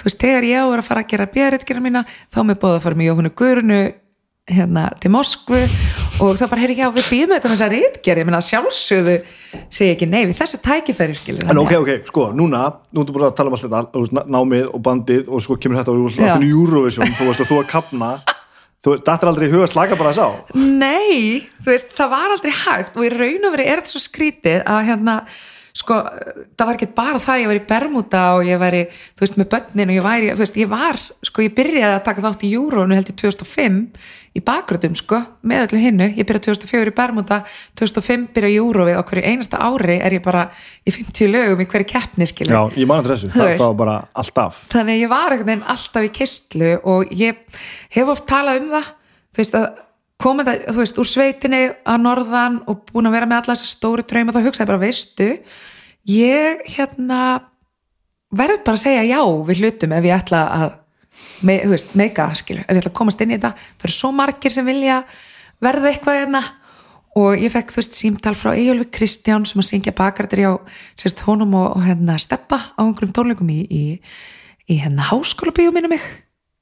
Og ég bara, já, ég ger þetta bara, þekkti það ekki neitt skilur það bara, og það er maður bara svona að stíga skrefin. Jólatólingum Björgvins Haldós, það voru ég og Steppi nei, ég og hérna ég og Eyvi Kristjáns og Freyr Gómar í bakgrötum þar fekk ég dúett. Um, Frostrósum var maður komin inn í, þú veist, að vera þar í gospelkóru Íslands eins og við köllum okkur. Og hérna, þú veist, þannig að maður var einhvern veginn, það var alltaf keistla og maður alltaf bara eins og sé alltaf líka í brúðköpum og það var aldrei neitt stopp. Nei. Þannig ég, sko, þetta var alltaf bak við eirað þú veist og kannski líka upplifið það að því ég var að fara að syngja með Bermuda hérna Erlendis, einhverju þorrablóti eða eitthvað svolítið ásatið. Og það var ekki símtal. Og Jón Ólafs að bara heyrði ég hérna með verkefni. Eða var til ég að koma og syngja með okkur og þú veist einhver ásatið. Og ég þurfti að segja nei. Og svo komst ég setna að þar, þú veist, hafði önnustelpa tekið því verkefni, það var Sigurður Tólasíu skilu, þannig ég bara, ok, aldrei aftur nei aldrei aftur nei þannig að veistu hvað ég meina? Ég hugsa alltaf, boltinn rúla með mér. Þú veist, ég verð bara að vera alltaf á tánum og vera bara þarna. Og það er ennþá svo leis hugsaðu uh, ég er ekki hann í dag. Ok, ég er ekki hann í dag en það er ekki langt síðan ég varð bara að setja fótinn niður að því að bara ég, ég kerði mig í kaff bókstaflega. Það var eins og ég ætla að fara, fara, fara að segja bara hlýtur þetta ekki að enda einhvers staðar? Ég meina, þetta endaði í svo harkalegum árakst, árakstri á vegg bara núna fyrir jólin. Þannig að bara núna fyrir jólin? Núna fyrir jólin, Það er- hugsaði hvað ég gæti kert lengi. Já, ha, ótrúlegt. En sko því að svo var, líka, svo var ég líka alltaf náttúrulega að vinna í veist, vinna á alls konar útastöðum og þú veist, það, ég, ég veit ekki hvað við getum sagt þetta hafi verið mikil mikil vinna, þú veist 200% eða whatever maður er alltaf bara einhvern veginn að og þú bara alltaf á fullu alltaf, Alltaf seg, alltaf segja já við öllu og bara lætur allt gangu upp og bara brosir því í gegnum þetta. Það er nefnilega það og sko ég upplýði svona fyrsta krassi mitt var sko þegar ég var að klára lokaprófin í háskólanum þá er ég búin að klára öll batteri, þú veist það svo maður ekki nóttinni, drakk bara kaffi og var að læra og læra og læra og ég man bara eftir síðasta prófið þá laðist ég upp í rúm ég lá bara með opinu augun og það bara láka tára augunum á mér. Ég gæti ekki hreift mig og ég hugsa bara ég er að fá tauga áfall veist, það, og það eru nokkuð mörg ár síðan þetta er sjá til, þetta er sé ekki bara hann að 2008 eða eitthvað slis 2008-2009 og þú veist, þetta var bara svona veist, þarna hefði ég, raun, ég raunverulega átt að stoppa og staldra við og hugsa bara hvað ætla ég nú að gera? Hvernig ætla ég að hlaða mig? Nei, nei, svo bara stóð maður upp úr rúminu og hjælt bara áfram. Já, já og alltaf verið þannig, þú talar um þetta, þetta áfall sem þú talar um aðan og alla svo ofkyslu og þessa hugsunum að mögulega kera bara fram á brunni og allt saman. Já. stoppaður þess að aldrei og, og svona já já, nú þurfum við eitthvað að resetta hérna. Sko ég, ég jú, jú, stundum þá gerði ég það og þú veist, ég hugsa bara, ok, einhver tíman hann að í gamla dag ég einhver svona einhver geðlif, þunglindslif, eitthvað prófum það, þú veist, þau prófað alls konar, svo bara einhvern veginn fannst mér ekkert virka, bara leðenda þú veist, aukaverkanir og svona þannig að ég bara let mig hafa þá, þú veist það bara hefur alltaf verið þannig þú veist. Og hérna þú veist, alltaf bara þetta og, og náttúrulega fyrir utan þetta allt saman þú veist, ef við pælum í því þá náttúrulega því er búin að vera mikla sjálfsvinni síðustu mánu og þess að, þú veist, er auðveldra fyrir maður að tala um það í dag. Þú veist, þetta er bara eitthvað sem ég ekkert verið að ræða en þú veist, ég er 29 ára þegar ég kynnist manninu mínum og hann á þrjár dætur fyrir og ég er tvö börn. Og ég flytt inn á hann hálfa ári síðar, þú veist, eftir við kynnumst. Þá bara einhvern veginn stendur þannig á, ég er að missa íbúðina og, og hann á stórt og fínt hús og við ákveðum þetta bara, annarkvæmst gengur þetta ekki. Og og þá allt í henni er ég bara 29 ára en 5 barna móðir aðra hverja viku og svo bara með tvö hina vikuna, við, Bara? bara með tvö og sko ef við tölum um aldurinn á börnunum, 5 ára 7 ára, 9 ára, 10 ára og 13 5, sko við erum að tala um hérna fjóra stelpur og eitt strákur. Og þetta var alveg ógeðslega erfitt. Ég let aldrei ég let aldrei sjást þetta vera erfitt og maður bara tók þetta algjörlega nefanum skiluru en eftir að higgja þá var þetta bara ógeðslega erfitt. Og hvað er, varstu bara að reyna að vera fullkomin eða þú veist, ertu bara að passa það að gefast ekki upp eða, sko, ætlaði það ekki bara. Bæði, þú veist ég veit það ekki. Uh, eins og rættir á þann get ekki beðið um aðstóð, bara eins og með brúðköp og þetta. Já, bara einhvern veginn átt ógeðslega erfitt með að við kynna þrjá hjálp. Þannig að ég bara einhvern veginn í 300 fermetra húsi ætla að vera hinn fullkomna húsmóðir halda öllu hreinu og elda mat og hérna vera í söngnum og vera í útvarpinu og upp öll þessi börn og þú veist, þetta á bara ekki að vera eitt mál. Ég er bara hörk tól, skilur. Þetta er ekkert mál. Ég er bara komin að duglegu fólki og bara gera þetta. Einmitt, right. Um, svo bara einhvern veginn sko verður það þannig að hérna ég verður ófrísk, of course við erum að vera stækkina barnahóp en okkur langaði alltaf til þess að eiga eitt saman. Já, og hérna já, það sko svo er sagði baka það, hvað hefur við langan tíma? Eins og við viljum. Við erum fara að vera hérna bara í, í, í allan dag. Börnum mínum fyrir norðan, við getum verið hérna bara bara að hafa til já, og þegar ég er ólétt þá hérna þá fæ ég skemmtileg tilbúð sem að var svona, ég mitt svolítið hérna svona leikonundurumurinn að rifjast upp. Og svo getur hún tekið það fram í fórun og eitt sinn í pröfu í leiklistaskóla Íslands. Það var sko einn versta minning í lífi mínu. Ég, það verður sér aldrei staði fyrir fram á fólk og tala sko og ég hafði bara þú veist, ég komst ekki gegnum fyrstu pröfuna. Þannig ég hugsaði að ég verði aldrei leikona það var búið að drepa þandrum svo fekk ég þarna tilbúðum að vera sérst í hárinu á Akureyri. Og það er náttúrulega uppáld söngleikur minn þannig að ég þáði það. Og ég er minn náttúrulega bara stóð á baku mig og sagði, þú veist, ekkert mál þú veist, ég fór söður á sunnudum, nei norður á sunnudum og var á virkundum fyrir norðan að æfa og heim um helgar og hann sá bara um krakkaskaruna með hann. Og þannig er ég eins og sé, hann ólétt og ég átti sérst að leika annan karakter en ég fekk að skipta því að ég fekk að leika ólétta karakterin í staðin af því ég hef náttúrulega bara varða viðkynna það að ég veri hann að komin eitthvað áfram svona. En svo náttúrulega, þú veist gerist það sem er alveg ógeðslega leiðilegt og erfitt, veist, það var bara svo frábært ferli og ganga svo vel og við vorum alveg að fara frumsýna. Og hérna síðasta æfing á föstu degi og svo ætlum við heim og við ætlum að segja krökkunum, það voru að koma 12 vikur sko. Ætlum að segja krökkunum frá því að þú veist, sumagjöfun verður nú lítið sískinni og, og við erum að fara í sónarna mándaginn og fara svo, og svo erum við bara að fara frumsýna. Og svo bara gerist það á 50 það bara byrja að blæða. Og bara einhvern veginn snýst allt á kolf daginn eftir þá fer Magni með mig upp á spítala og, og þá er ég bara búin að missa. Já, og þetta var hræðilegu tímpuntur verandi sko le að leika ólita konu já, og þurfa bara að býta í jakslinn þannig að það verður engin loka æfing þarna skilur allir bara ótrúlega hérna dásamlegir í kringum mig í hópnum bara, þú veist bara styrkurinn ótrúlegur og stuðningurinn og við fórum bara saman og í flugvel söður og svo var bara skrapa út og, og náttúrulega mándaginn bara norður og býta í jakslinn og, og það var bara fyrsta svona reynsli fyrir fólk á þriðudeginum skilur þannig að það fór ekki alveg svo það fór. Eins og átt að fara. Er þetta til aldrei í huga þarna að segja bara, herði, nú þarf ég aðeins að pínu bríðir sko, ég skil ekki, veist, það er akkurat þetta. Ég, það er eitthvað við að taka aldrei kannski afstöðu með sjálfum sér og taka aldrei þetta pláss sem maður í raun og veru hefur alveg rétt á. Mm. um, með þetta aldrei í sinni. Bara ekki til umræðin nei, Mæni. alls ekki sko. Þannig að bara förum hann og við bara erum þessa viku og, og bara klára þetta, ég þú veist, þetta er allt í móðu. Allt í móðu hvernig mér tókst að komast í gegnum þessar sýningar og þú veist, ég bara veist, það gekk mér þess að vel og það var alveg hellingar sýningum og þú veist, ég bara ég áttum ekki alveg á því hvernig ég fór að þessu. En nærður þá, þú veist, maður að njóta þess að gera. Var gaman, skilur við, svona gegnum móðuna? Já, já, þú veist. Og þið finnst gaman að þráttur eru allt álæðið og allt þetta, þá finnst þið samt gaman að stíga á sviðið og gera það sem þú mást að gera, þú nýtur þess.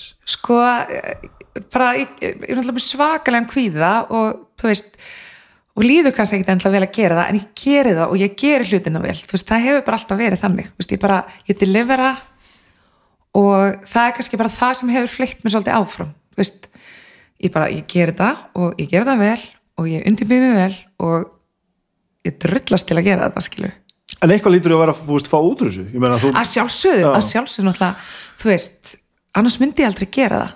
Þetta er mitt líf og indi að standa á sviðinu og þú veist, og vera þarna. Og þarna ertu hluta hópi líka. Og mér fannst ég ekkert geta sagt bara, heyrðu, nú erum við búin að vera að æfa í nokkar mánuði, veist, ég ætla ekki að fara eiginlega ekki fyrir hinum, skilur ég er hluta hóp, við gerum þetta saman. Svo læri maður það þegar, þegar árin líða sko, það er alltaf að bjarga þessu sko. það, það, það er alveg rétt, sko. Og Maður með aldrei maður þroskanum. all- maður er ekki alveg svona ómissandi eins og maður heldur sko. nei, það er það er, það er alveg rétt sko. þegar maður fattar að bara ég, hérna, ég verð bara, ég kemst ekki sko. og þá kemur bara einhver annar og spilur á bassa og það, það reddast alltaf sko. það, hef, það er verra það er verra en að vera frontur sko já, það er vísu, það er aðsálsög já, og ég er ekki að mæla með og þetta er þetta algjört neyðamál sko en ég hef alveg þurft að gera það líka en ekki hárinu, það er erfið kannski svona leikfélags Mhm. litlu áhuga mann leikfélagi skilur eins og þetta var, þetta var mm Mhm. en svo gerast nefnilega annað og ég er náttúrulega, þú veist við getum talað saman í, í, í marga daga. Geru það? Heyrðu, mánuði eftir að ég missi þetta, fóst, þetta, þetta dásamlega fóstur sem fylgdi mér og vissilega hjálpaði mér að vera karakter skilur ég trúi því og hef, þú veist, bara trúi því vel að það gerist alltaf ástæðu. Og mánuði síðar dæmi hver sem vil var því aftur ólétt. Viljandi það? En Nei. Við skulum segja, við skulum segja ekki alveg óvart. Nei, ekki sko ég man mér að hvað það var. Nei, þetta var umslega skrítið og þetta er svo fáranlegt sko þegar ég segi alltaf söguna að þú veist, Hári var komið í pásu og við förum hann að förum til Danmerkur ég og, og maður minn bara í smá frí Eurovision frí. Til hérna bróður og við erum í Danmörku og Eurovision er hann akkurat keppnin og, og maður minn um svo herfilegt katt á hann, maður er þrýr kettur á heimilinu. Og hann gati ekki verið niður að horfa þannig að hann sérst lá upp í rúmi og var að horfa og það þurfti einhvern veginn að skemmta manninum þannig að svo úrvald bara bann Það þú manst hvar. Ég man hvar. Og hvenar bara því að hann er með katt ánum við úr einu í annað talaðu það. Ok, má maður segja svona í, í, í allt, sem maður segja spjalli? allt. Og, og hvernig var það að vera bara nólíkt aftur bara mjög blendna tilfinningar. Þannig að basically var ég ólétt bara í heilt ár skilur, Veist, ef maður hugsa það Já. með þessu smá litla, litla pásu. Og hérna þarna bara þá fór ég að upplifa svolítið öðruvísa því að sko þegar ég var með krakkana litlu þú veist, ég er náttúrulega 19 ára ólétt og þegar með þau lítil og þú veist, var af þeim þá hugsaði maður alltaf bara, hvort kyni skildi að vera? Þú veist, maður hafði aldrei, ég hafði aldrei áhyggjur af neinu. Þú veist, ég hafði aldrei áhyggjur eitthvað koma upp á eða pældi ekki í því en þarna einhvern veginn eftir að hafa mist þá fóru bara svona alls konar erfiða tilfinningar að kræla á sér. Ég fór bara að vera rosalega kvíðin ég myndi, þú veist, örgulega að missa batnið og þú veist, þannig að eh, ég var svolítið svona kvíðasöglingur og fann sérstaklega fyrir líka bara eftir í áttana við byggum hérna, ennþá í þessu stóra mikla húsi og það voru steintröppur og ég bara í hvers skipt sem ég labbaði með um tröppina það bara ekki missa hana, ekki missa hana, ekki missa hana. Og bara meira þess að þó hún væri sko orðin þryggjar og þá var ég ennþá að hugsa þetta. Þú veist, þetta er svona nett fæðingaþunglindi sko. Og, og samt þá gegn betri vitund þú átt að vera áður þetta að vera óðurlegt já, já, já, veist. Ég hef alltaf verið mjög með þetta um svona mína andlegu lið sko þú veist, en hérna bara, bara ráð ekki við, þú veist þessar hæðslu að eitthvað kæmi fyrir hana. En hún er einstök og hérna algjör skvetta og, og mikil hæfileika bomba og hún átti klárlega að koma í heiminn þannig að þú veist, hitt og bara svona undirbúningu fyrir það. Stundum vera erfitt til þess að geta verið gott. Já, þannig að, en fyrir uh, spólum aðeins tilbaka. Já, hérna þú ert, þú, hef, þú ert búin að vera syngjandi bara síðan ég, ma, maður sér þig alltaf regla, þú ert alltaf syngjandi einhvers staðar. Uh, og, og mér líður svona eins og það sé bara að ég veit þetta betur sko. Þetta, þú lætur þetta hljóma pínu svona að sé bara að því að, að, því að það ringir einhver í það, þá, þá kemur þú. Mhm. -hmm. en það er ekkert alveg þannig samt. Þú ert að gera fullt af hlutum sem að þú veist þér er ekki alveg sama hvað gerir, skilur við Nei, nei, ég segi alveg nei við sumu sko. og það er alveg svona þráður í gegnum það sem þú syngur. Já, en á sama tíma þá einhvern veginn finnst mér ég ekki vera til dæmis spyrja sólaferil, finnst ég ekki vera búin að finna alveg línuna hvar vil ég vera og þú veist, af því ég er búin að vera að vinna svo mikið fyrir aðra í gegn tíðina. Og í raun og veru sko hefur þetta verið mest megnis þessi gegn sem ég hef fengið er óslega mikið mitt út af því að ég hef verið beðin um að gera það. Ég vissulega ekki gert allt sem ég hef beðin um að því að veist, það er ekkert alltaf hægt skilur en ég hef samt gert ímislegt sem að ég hefði vilja segja, við en stund þarf maður bara að eiga í sig á en uh, þráðurinn er kannski sjóin mest kannski? Ég hef verið heppin að vera til dæmis þú veist, með rigg fyrir gómari Já. og öllu því. Þú veist, verið í alls konar verkefnum þar og það er verið bara það sem ég dyrka, þú veist, að syngja bara alls konar músík, fara í alls konar hlutverk þú veist um, bara hjá honum, þú veist, Tina Turner Tom Jones Meatloaf, Willi Will þú veist, alls konar þú veist, name it. Svo hef ég verið, þú veist, í bakgrötum hjá öðrum í Guns N' Roses, ég hef verið í ABBA, veist, þetta er öll flóran. Mhm. og fjölbreytin er alltaf skemmtileg og sérstaklega, þú veist, ef þú ert með svona eins og ég sagði, ég heyri rattir, þú veist, rattirnar eru bara, þær eru bara hér í haustum á mér. Útskýru þetta nú fyrir mér. Já, þú veist, ég bara, ég heyri lag og ég bara pæli minnst í laglinni, þú veist, minnst bara svo gaman að heyra, þú veist, útsetninguna, hvernig myndi ég gera þetta, þú veist, hei vá, það verður geggja, akkur notu ekki þessa rödd, var cool að bæta þessu við, þú veist, eitthvað svona, þannig að Bara harmoníur og svoleiðis, eða? Já, og Já. stúdíóvinnan, það er svona kannski það sem að, þetta á baku tjöldin, þú veist, ég hef alveg unni fyrir alls konar fólk í bakröðum til dæmis, þú veist, Sánas Jóns míns, tók ég til dæmis bara mega mega kór þar, Pál Óskar þú veist, alls konar eitthvað sem að ég, þú veist, ég verið með Tottmobil var með þeim í marga mánuði til dæmis, þú veist, ég verið á alls konar stöðum. Og þannig að þa þar koma símtölininn skilur, þú veist, að, að vera beðin um að gera eitthvað svona verkefni og hérna það bara gefur mér svo ótrúlega mikið. Þú veist, að fá að vera í essinu mínu en, en einhvern veginn hef ég ekki komist í þann kjark að gera mikið sjálf. Ég er með fullt af hugmyndum og ég er bara ekki komið þangað ennþá. En langar að gera það sem sagt? Já, já, já, já, virkilega. Hvað langar að gera? þetta er svo erfitt sko. Þú veist, og ég kenni tvíburunum um að því ég er náttúrulega byllandi tvíburi og hausinum henni er út um allt.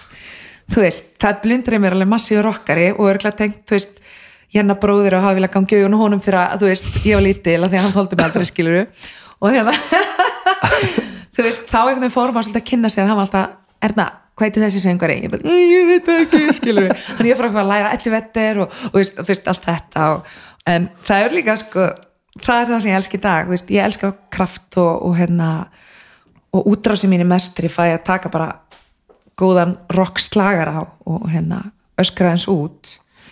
En svo finnst mér líka bara ótrúlega gaman að gera einlægt stöf líka, veist, bara eitthvað frá hjartanu. Ég sem texta og þeir eru eiginlega allir ótrúlega myrkir og já, það er ótrúlega magnað sko, þannig að ég er svolítið dimm. Sem enu tónlist? Texta, ég hef ekki verið mikið að fara út í hitt sko. En hérna það gerist, ok, er það ekki? jú, alveg klálega Mér langar að læra að vera útsettari mér finnst gaman að gaman að pæla, þú veist, ég get setið og bara og leiki mér, en þú veist, mér langar að vita hvað ég gera. Þú veist, já, já, hvað er ég að gera, þú veist? Það er gaman að vita meira. En ég haf fullt inni, sko. Og mér líður, þú veist, ég er 39 ára en mér finnst þið samt einhvern veginn ekki vera byrja á ferlinu mínum.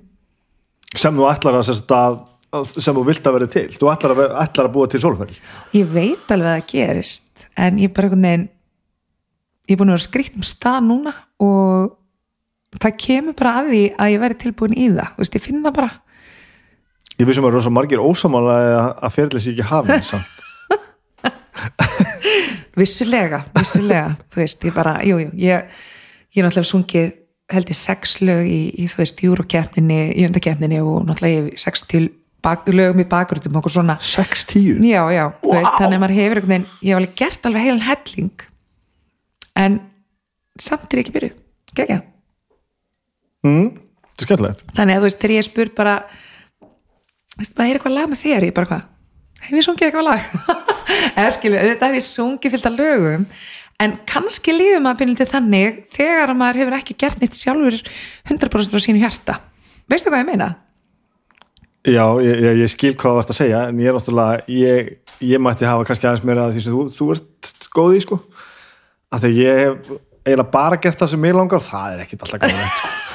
það væri rosa gott að gera bara stundum eitthvað sem, að, sem aður býða mann um að gera og hlusta aðeins meira. Ég er svona er að læra það núna sko. Já, Þannig já, ég skil orðin sko, en ég tengi ekki við þetta þetta gerir ég, það þarf alltaf að vera á mínu fórsendum ég er óþrjóðandi Það er svoleiðis. Já, já, já, já, já. ég er alveg ég stofna alltaf hljómsýttina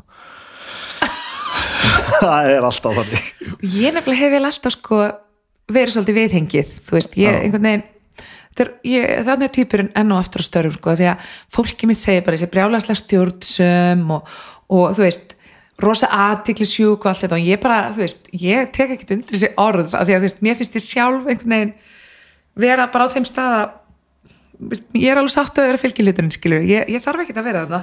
Þú veist, ég, ég enda oftast í frontinum og þú veist, mér finnst það ógislega gaman og svona, en þú veist, þegar ég náttúrulega fór að eignast vini í, í, í tónlistabrannsum sem það átt að vera á því að ég var í null dífa, þú veist, ég er bara ég er ekki þessi sem að vil standa tveimuskurðum fyrir fram að þig að því ég er betur en þú skilur, já, ég skilji. Þú veist, ég bara ég er ekki þannig gerð og hérna ég kann bara miklu meira að meta að vera jafnfættis öðrum. Já, mér finnst það bara miklu hugulegur að við erum bara að vinna saman og ég fronta með alls konar hljómsveitum, þú veist, það er eitt af skemmtilegst sem ég gerir er að veist, syngja böll, veist, það gefur mér alveg gríðarlega mikið og þú veist, þarna ertu bara að gefa þitt allt og fara tilbaka strax. Fólk er í geggjöðu stuði og það gleður mér svo mikið og ég er samt bara eitt hluti af þessu bandi skilur og það er það sem ég saknaði að Pínu Bermund að ég var eini fronturinn. En þú veist, mér langaði svo að þeir væri með mér í því.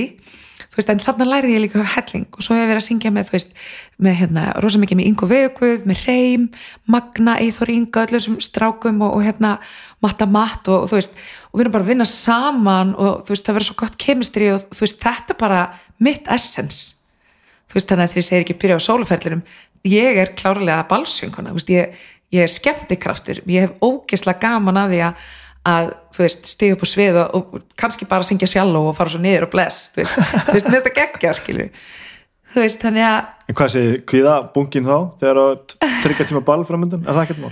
sko, það var aldrei neitt mál. Um, ég, þannig að þegar ég segi frá þessu krassi sem gerist núna í lok ás þú veist, ég hef stíð heldur tvisasunum á svið síðan í nómber þú veist, ég að því ég bara já, ég, hérna, ef ég bara alveg hinskilin hver ég stödd, ég sést hætti á K100 Já. uh, í lok ás ég sagði, sagði upp Okay. og ég ætlaði að vinna fram á áramótum að búa með tóman og uppsagnarfrestunum þegar að ég bara já, ég bara grótnaði niður endaði bara hjá hilsugjærslu lækninu mínum og bara hef ekki verið í vinnu síðan. Um, þannig að hérna það var lítið reynd á kviðaboltan sko upp á að fara på svið. En það var mjög erfitt sko það var, það tók á. Um, og ég, það sem er erfitt er að ég sé mig ekki fyrir mér alveg strax endilega að stiga upp á svið. Ó, ó. og hérna, þannig að þú veist að þú fáið mig í þetta viðtal, það er bara mega stórt sko, ég hef ekki talað í mikrofón síðan í lók nómur en hérna það er alltaf gott að tala. Og maður á ekki að halda hlutunum lindum, þannig að nú er ég sérst í hérna starfsendurhæfingu hjá virk.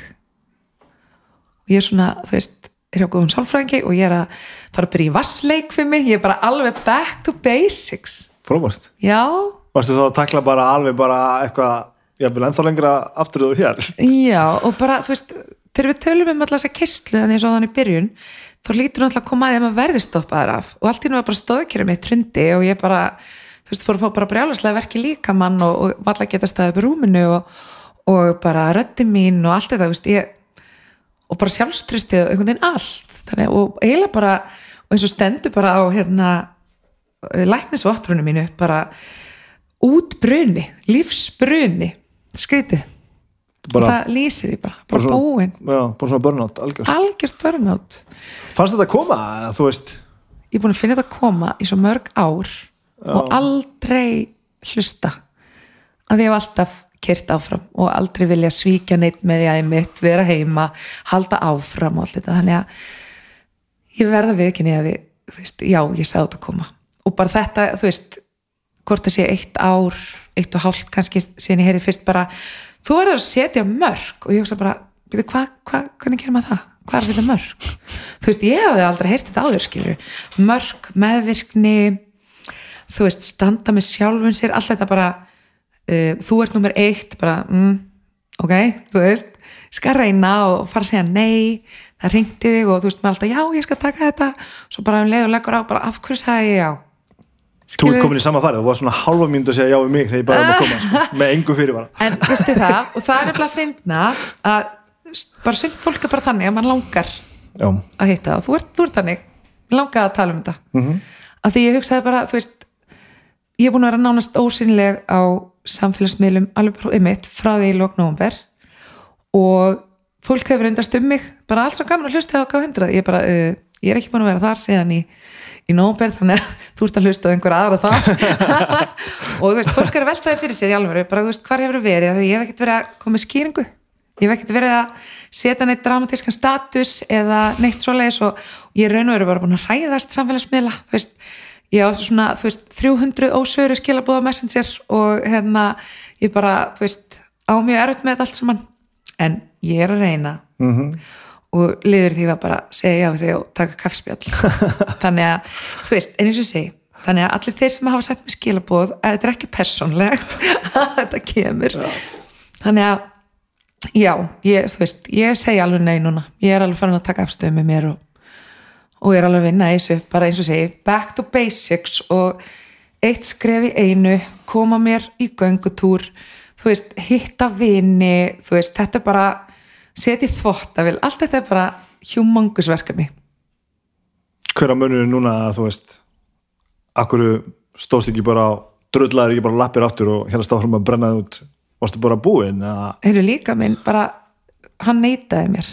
Þannig að þú varstir bara loksins komin á einhvern enda það sem voru erst bara að þú gast ekki lengur barist eða? Og ég get sagt þér að sko það er erfitt að vinna uppsæðumfrest og þeir eru sko ég náttúrulega var bæði að tala í mikrofónin og alltaf sjúkla hress og þú veist, bara ég verði að vera hress, ég verði að vera hress og ég var líka með myndavel á mér, þú veist, K100 er það var, það var ekki bara það að ég geti falið mig með, þú veist grátbúlkin augu skilir því ég var bara, ég greitt mjög mikið á þessu tímbili þannig að ég tók bara kynningarnar og svo bara grenjaði á milli kynningar, alveg mega hress og var allir alltaf, svo gaman að hlista og svo hress og þú ert alltaf brosandi. Og þú veist þá bara hlutaði sem bara, veist, ég ég get ekki meira, veist, ég get ekki að fólk haldi alltaf að ég sé geðveksla hress og ógisla skemmtileg og alltaf brosandi, veist, ég, ég er að deyja inn í mér, þú veist, mér líður svo illa að ég bara ég get ekki meir. Og það kannski spilaði líka inn í að þetta var sérstaklega erfitt tímabilana í vetur, veist, ég fór í fimm jarðafarir á fimm vikum og það voru sérst bæði bara vini mínir sem að hérna, ég söngi yfir og ættingjar veist, sem ég söng yfir og svo var ég líka viðstödd veist, þetta, þetta var erfitt tímabil og sko, svo bara kom að því að þessi sjötta jarðaför þú veist, þegar ég var búið með hennan pakka hún er sama dag og allt hreinur, 22. november ég man bara svo vel að þetta var ammálstæðarunina ömmu minna líka og ég man bara veist, ég fekk frí í vinnunni bara gæti ekki verið útvarpina þegar ég var að syngja jarðaför tengda föðu bróðu míns og ég er að græja mig og ég er bara í einhverju massu kviðakasti og er að taka til og, og hendur svona tösku upp á skáp og kom svört lítil rönd í loftið. Og það var punkturinn þar sem ég settist á rúmið og ég greitt og ég gæti ekki talað. Ég var bara með ekkasogum, punktiruð og ég bara ég get ekki meir, ég get ekki meir. Og þá kom maður mér og sagði bara nú ætlum við að hilskjæsluna og hittum aðeinslega lækni þar og og samt söngi í, í hérna jarðaförunni skilur, kláruðum hann alveg skellti mér þess óbrill og bara kláruðum þetta skilur og svo bara laðist ég í rúmið og ég bara held ofta tíðum að ég væri bara að fá annarkort hjartáfall eða heilablóðfall eða þú veist að að bara það sloknaði að vinstri hliðin á mér þú veist alveg og ég var með stöðaverki og þú veist þannig að þetta er bara búið að vera ógisla skrítið og bara mjög erfitt ferli. Og þú veist serðu þú ást fann að stafna rétt átt? Mér líði betur sko. Ég hef mjög mjög semna daga. Um, maður bara má ekki að gleyma þú veist. Það er líka náttúrulega kannski hefði batin verið hraðari ef að veist, þetta gerist ekki rétt fyrir jólina því að veist, ég get ekki kúpla mig alveg út þú veist, ég þarf að græða jól veist, ég á sex börn, tvö tengdabörn tvö guðbörn þú veist, ég, þú veist, það er endalist að góðu dásamlega fólki kringum mig sem ég þarf að sinna. Ég get ekki lagst bara niður og hvernig er börnum mín að skilja það, skilur þannig að, þú veist, fyrst koma jólin svo kemur COVID. Já, þannig að alltaf, þú veist, og þá gæti ég náttúrulega ekki að það var rétt komin að staði virk. Þannig að þá bara einhvern veginn, ég er bara búin að vera, ég var eða bara meira og minna sofandi í hálft ár bara, þú veist þá bara kvild og er svolítið en þá, en þú veist, þetta er, þetta er að koma ég held að áttara krílið á erfitt með, erfiðast með að skilja þetta allt mm. lætur mig reglulega að finna fyrir því hvað ég sé löt og, og það sé ekkit af mér sko. þú veist, hvernig maður að skilja svona þegar maður er átta en ég sé alveg fyrir mér þetta komi og, og þú veist ég er svona myrkra manneskja ég hlakka til þegar bara myrkrið fyrir að koma, ég þól ekki að byrtu þunglindi sjúklingurinn takk fyrir mig. En af, afsakaðu hvað mér finnst þetta áhugavert. Já, nei, guð Ertu þá ekki að þú veist Ertu ekki að upplifa og gera fullt af hlutum sem við það aldrei gert? Þarftu ekki eitthvað að vera að takast á við og, og horfast í auðu eitthvað sem þú hefur þá vantarlega mm -hmm. aldrei gert áður? Er það ekki skrítið þegar maður er Það er rosa skrítið þegar við verðum alltaf náða að hlaupa frá vandamálunum þú veist hvað ég meina, þú veist, með keistlunni og það er eiginlega svolítið magnað að ég hef alltaf verið að keira og keira og keira og keira og ég upplýði alltaf veist, þegar ég staldraði við að hugsaði sem að gerðist náttúrulega bara veist, ég var náttúrulega ok, sækja krakkana þú veist, fara á æfingu uh, græja matinn, fara þangað veist, það var aldrei stopp. Og eins og vinið minn sagði við mig þú þú ert skipulegar en því þú veist, og ég bara, ha, finnst þið það? Veist, ég paldi ekki til þannig, en þá bara var ég alltaf á fullu á hlaupum að elda skotti á sjálfum mér og láta hlutina gangu upp. Svo alltaf þegar ég fekk hennar frí, þá dætti ég þunglindi, sko. Þá bara leiði mér rosalega illa, af því að þá þurft maður að fara að hugsa og þá þurft maður að fara að horfast í augu einhverja óþægilega hluti. Þannig að þá er alltaf best bara að keira sér eftir í gang og halda áfram að hlaupa. Um, í raun og veru byrjar að hallunda fæti hjá mér þegar að me too þetta í, í gang. Þá fer ég að horfast í augu við það sem gerðist hérna í lók hljómsveitar tímabilsins míns. Ég gæti ekki tjáð mig um það sem gerðist af því að það bara einhvern veginn er grúpur sem ég var inn í þú veist já, bara eiginlega eins og ég segi, þú veist gerandin minn, þú veist, konan hans var í einni grúpunni. Ég gæti ekki tjáð mig um það þar. Hún veit ekki af þessu, svo ég veit til fyrirverandi konarnas og passmóður var í annari grúpunni og mér fannst erfitt að fara að tjá með með þar. Þannig ég ákvað bara að gera ekki neitt í því. En það var eiginlega erfið að líka. Að þú veist að þurfa að halda þessu leindu mér langaði ógeðslega mikið bara að klára þetta þar. En þá er ég alltaf að hugsa um alla hýna bara ég get ekki farið þú veist að þeim áttur að lesa illa með þetta og þú veist, aldrei geti tekið afstöðum við mér og bara erna að klára þetta. Leiði þér bara að klára þetta og skila þessari fokking skömm og, og hérna og hættu sér ökli þannig að ég fór að hitta eina dásamli í stígamótum gæti tjáð mig þar og hún hefur hjálpt mér alveg greiðlega mikið í nokkur ár. Um, og það opnaði vissilega sárið og þar einhvern veginn fór alltaf flæð út. Vist, ég skrifaði mig út, Vist, ég skrifaði mig gegnum þetta bara fyrir sjálfa mig. Um, en ég Veist, ég er bara á þeim stað að mér finnst þessu ólokið, ég þarf að klára og, og þetta er ótrúlega stór hluti af því hvernig ég er í dag veist, að hafa og ég get ekki fyrir ekki sjálfur mér mín viðbröð skilur, að hafa ekki ráðist á hann eða öskrað á hann eða stæð og einhvern nátt með sjálfur mér þú veist, að þau viðbröðin voru svo vandræðilega asnaleg sko, þú veist. En ég kom stæði þegar ég fór í stígamót að þetta eru sko algengustu viðbröði heiminum þú veist, eins og ég brást við.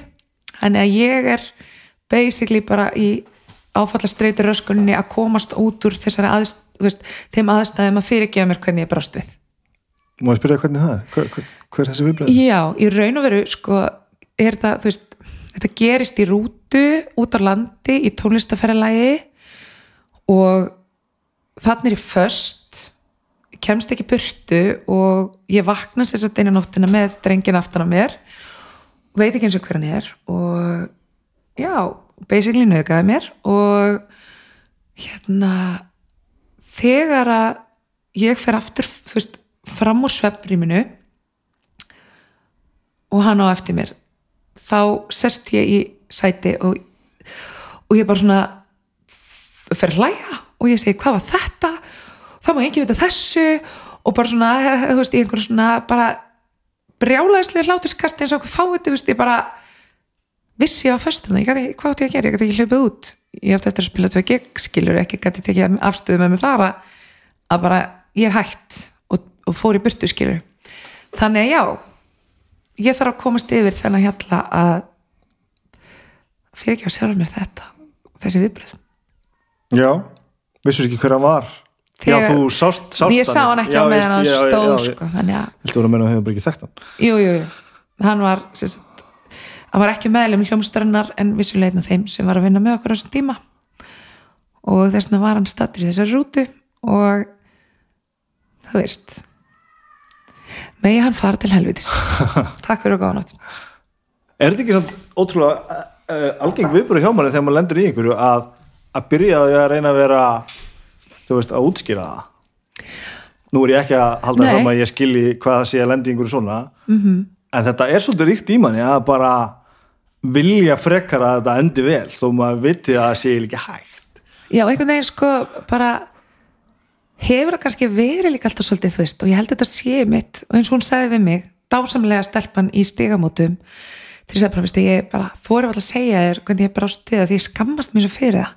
Ég skammast mér svo fyrir það því mér finnst þess að ég hafa þá verið að viðurkenna sem hann gerði.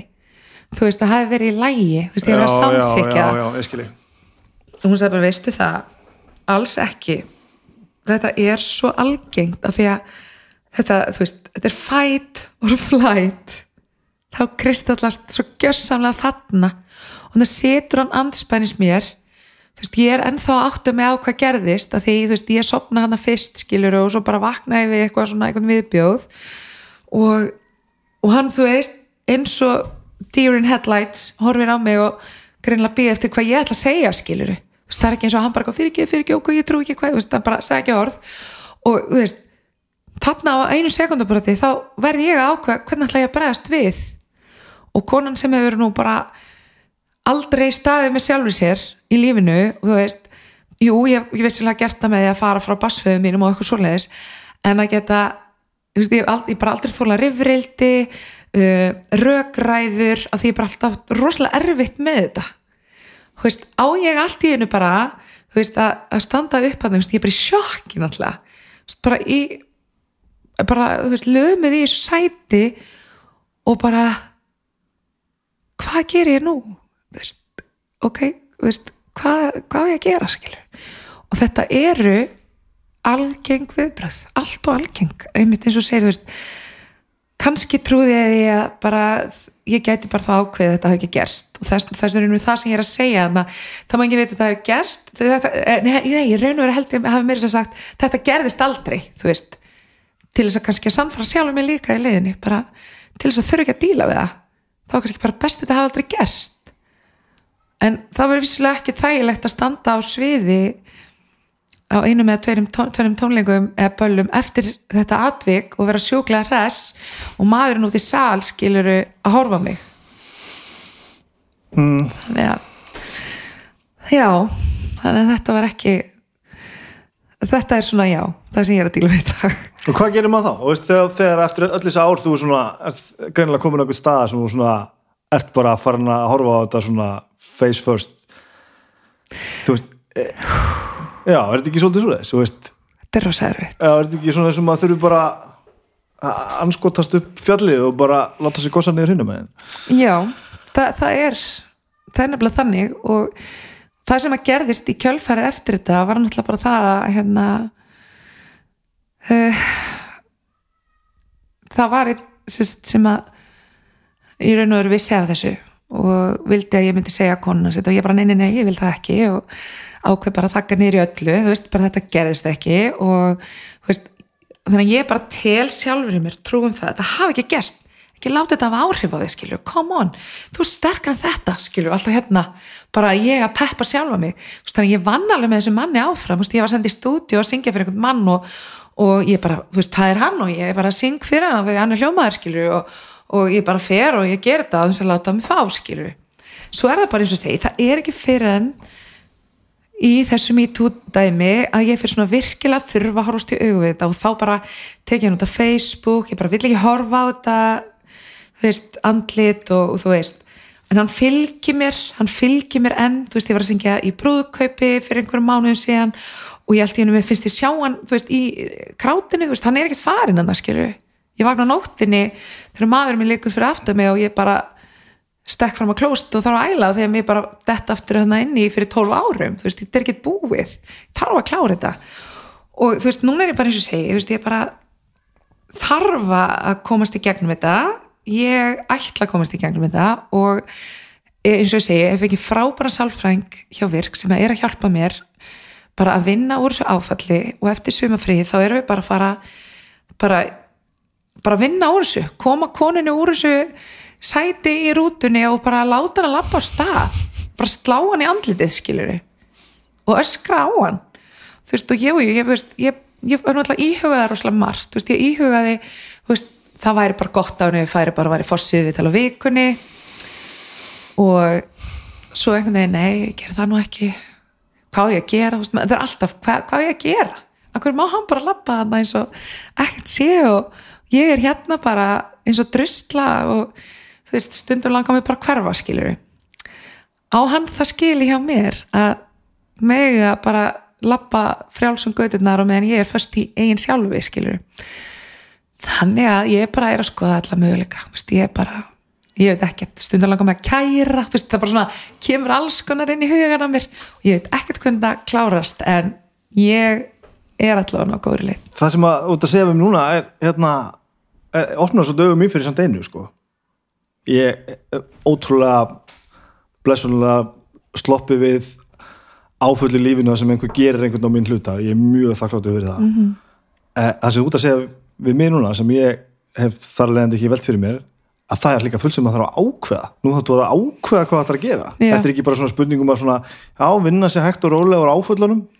Að ég hef alveg mist fólk og þú veist sorg og alls konar svoleiðis, en það fer í einhvern svona farveg, það sem Já. að svona þú finnur það sjálfur þér að þú svona, já, verður að, þú veist, að horfast yfir við þetta og ekki gleyma þessu og þetta er svona, það sem þú ert að segja núna er bara sem ég hef aldrei pælt í. Að þú eru bara einhvern veginn að taka afstöðu til þess hvað þú ætlar að gera. Það er í raun og verið eins og þegar þú missi, missi fólk þá, þú veist, veistu að þú þarfst að sætta þig við það. Þá, þú veist, þú veist að sárin gróa hægt og stundum, þú veist, þú gleymir ekki manneskinni en manneskinn er farin, Já, skiluru og einmitt. það er hluta sorgarferðlinu er bara, þú þarft einhvern veginn að komast yfir það.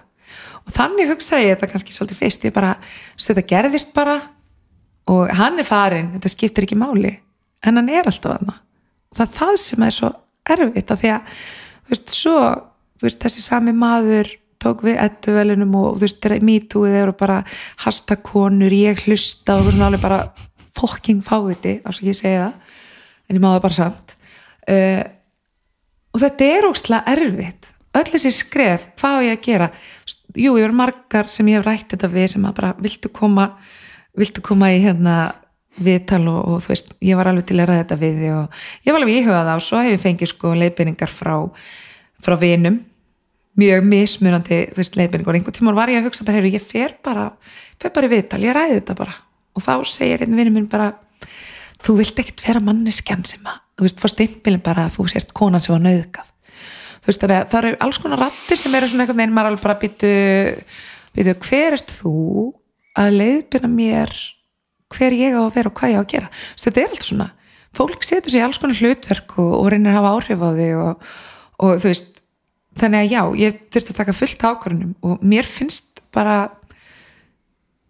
ég hef kannski ekki að gera hlutin allt öðru en ég gerði það ekki, ég er hérna núna og þú veist ég er að vinna í þessu, ég er óslána með mig. Veist, ég er óslána stolt að ég vera hérna að tala um þetta þig, þú veist mér liður bara að við séum bara hérna tvö en svo á eflust einhver eftir að lusta á þetta. Og þetta er alveg ljót saga og allt það og þú veist og hérna en fyrir mér er þetta bara hluti af mín lífi. Og mér finnst vissulega gott að tala um þetta í dag þar sem ég er á vestastæði í lífi mínu. Þú veist, ég, ég kemur alltaf på rúminu ég hef aldrei verið að þung þú veist, þó ekki að hóra speil þú veist, öðrulega þessum, þessum stað sko.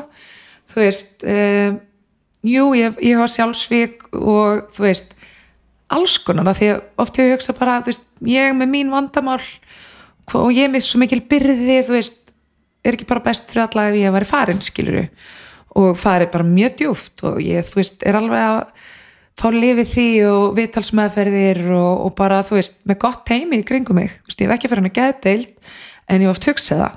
Þú veist, þannig að ég held bara að maður er að vera stoltur af því sem maður, þú veist, er að vinna. Þú veist, ég er ekki tilbúin af því að jú, spurningin þín fyrir löngu var, þú veist, hvort ég ætla að fara að stíða á svið og svona, það er ekkert að fara að gerast. Ég finn það bara, mm. þú veist, ég á mjög spennandi verkefni sem að ég á að vera að taka í september. Ég þarf virkilega að taka ákvörðum hvort ég tristi mér í það Og þetta eru sko draumaverkefni mín, skilur mig og, en, og þú veist, gefið góðan pening og svona, en mitt líf þess að dagana er að fylla út sko uh, já, nú er ég að sækja um uh, endurhæfinga, lífeyri og allt sem ég ger á sviðinu til þess að reyna að hvort það virkar, það dreifur mig niður. Uh, þú veist, allt svona og þetta er bara algjörst hell. Þú veist, ég dótti minn greinst með Asperger í, þú veist, desember. Ég er að reyna aðtöða með eitthvað þú veist, ummununar uh, lí, hvað heitir þetta, ummununabætur þú veist, allt svona, þú veist, ég bara svona, hausinum springur við svona atrið, sko, þannig að það er bara mín vinna í dag að vakna fá mig kaffibotlan og bara ok nú vantar mér sér að sjö hana læknisvottorð um að ég sé ennþá ofinu fær þú veist, það er bara erfitt að horfa stjögu við þetta. Þú veist, vassleik við mig, ég hugsaði bara ok, það er bara fólk sem hefur lengt í bara massífum slísum og þú veist, er bara fatlað út, út, út því og, og gammal fólk. Nei, nei, ég er að finna vassleik við mig að því að ég bara höndleiki fór til göngutúru, skilur og fyrir mannskju sem er kraftmikil og hefur verið, þú veist aldrei eftir erfileikum meina eitt tannig og, og þú veist, það er einhvern veginn þá er það bara ógslag erfitt. Og líka bara horfast, þú veist og líka bara skömmin það því sem ég segi við þig, þú veist ég hef alveg íhugað þetta bara er ekki bara allir betur, þú veist er ég ekki bara búin að lifa lífinu, þú veist ég er 39 ára og fán alltaf að segja þetta. Og ég tala eins og nýrað kona, bara já ég lifði nú vel og ég lifði nú hratt og ég upplifði allt sem ég langaði að upplifa og ég er bara lífsött og sálfræðingur minn segja við mig þú veist að þetta er ekki eðlilegt ég er 39 ára gammal konu. Þú, þú áttar þig á því. Og ég bara já, já það er rétt hjá þér veist, en ég er á svo skritnum stað að ég bara og það er sko skömmin yfir því að viðkenna þú veist ég á indisleipa og sko svo vel gerð og fallegi rúlingar sem er náttúrulega já, vonandi eftir eignast bönn eitt góðan við þetta og ég eftir að vera amma og allt þetta sko. Þú veist, þannig auðvitað þú veist, ég er þakklátt og ég, þú veist það er erfitt að segja svona upphátt að maður bara svona já, já þetta, þetta, þetta er komið gott, skilur en ég er ótrúlega þakklátt mér líður ekkert illa og mér, veist, mér líður alveg vel en ég fæ bara þessar skriftum tilfinningar einhverju þetta vegna Hvernig er það að tala um, þegar þú segir fólki þetta sem þú ert að segja mér um mm -hmm færðu einhvern tíman eitthvað annað heldur en bara þú veist besilega sem við erum að tala um núna veist, fólk, fólk setur sér nú vall í stellingar og segir annað hvort hm, þetta skaltum við ekki gera eða æj, æj, auðmingja þú eða þú veist. Já, sko, ég raun og veru, ég, ég hef ekki talað um þetta við marga ég er að tala um það við ansi marga núna.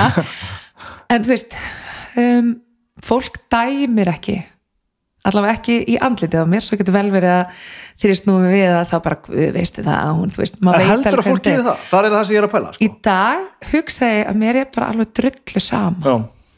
á einhverjum tímapunkti og ég held að ég hef bara alltaf verið þannig veist, brosi breytt og, og bara einhvern veginn fannst þægilegast og öllum líkaði bara við mig veist og einhvern veginn, ég veit ekki, rugg aldrei bátnum og þú veist bara alltaf og alltaf hress og það var aldrei neitt eitthvað að tala ítlum ég veit ekki veist, af hverju þetta gerist, ég er bara búin að vera svona sem ég var lítil.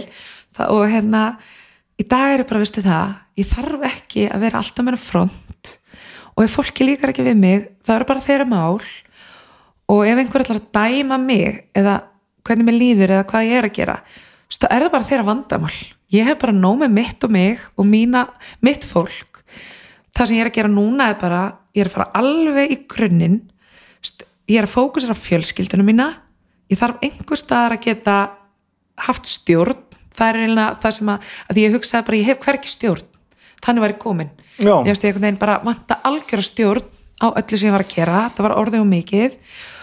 Og núna er ég bara ok veist, ég er heima hjá mér. Ég, ég faði maður bönni mín. Ég passa rosa vel upp á þeim liði vel þú veist, dóttur mín með Asperger greiningu loksins 16,5 fekk hún hana veist, eftir langa baráttu. Sónu minn er að býða eftir veist, hann er að býðlist eftir að aðtöða með, aðteklisprest og svo örgla snar og virka dótturskil, ég er bara ég er að passa bara öllum líði vel, ég er að passa upp bara, þú veist, að mitt hlutverk veist, að þau erum alltaf að velta fyrir okkur sem tilgang lífsins, hver er hann, þú veist ég vil bara koma pötnum mjög til manns og þeim líði vel þú veist, og hérna ég var alltaf með rosalega mikinn hérna, móral yfir því að geta ekki synd vinu mínum, ég er ekki nóg duglega að heyri öllum og, og alltaf þetta, allir hinnir allir hinnir en við verðum bara að byrja á grunninu, við verðum bara að byrja á sjálfu mm. ég þarf að hlusta á mig. Mér verður að líða vel. Og ég þú veist þarf að geta veit börnunum mínum húsaskjól mat og þú veist og verið til staðar. Það er bara það mikilvægasta. Þannig að ég er bara í grunnvinninu þar og gerði eitt alveg rosalega stórt í síðustu viku. Fór yfir gmaili mitt ég var með 11.348 ólesna posta Ak. og núna eru þeir í 0 ég bara, þarna er ég með kontról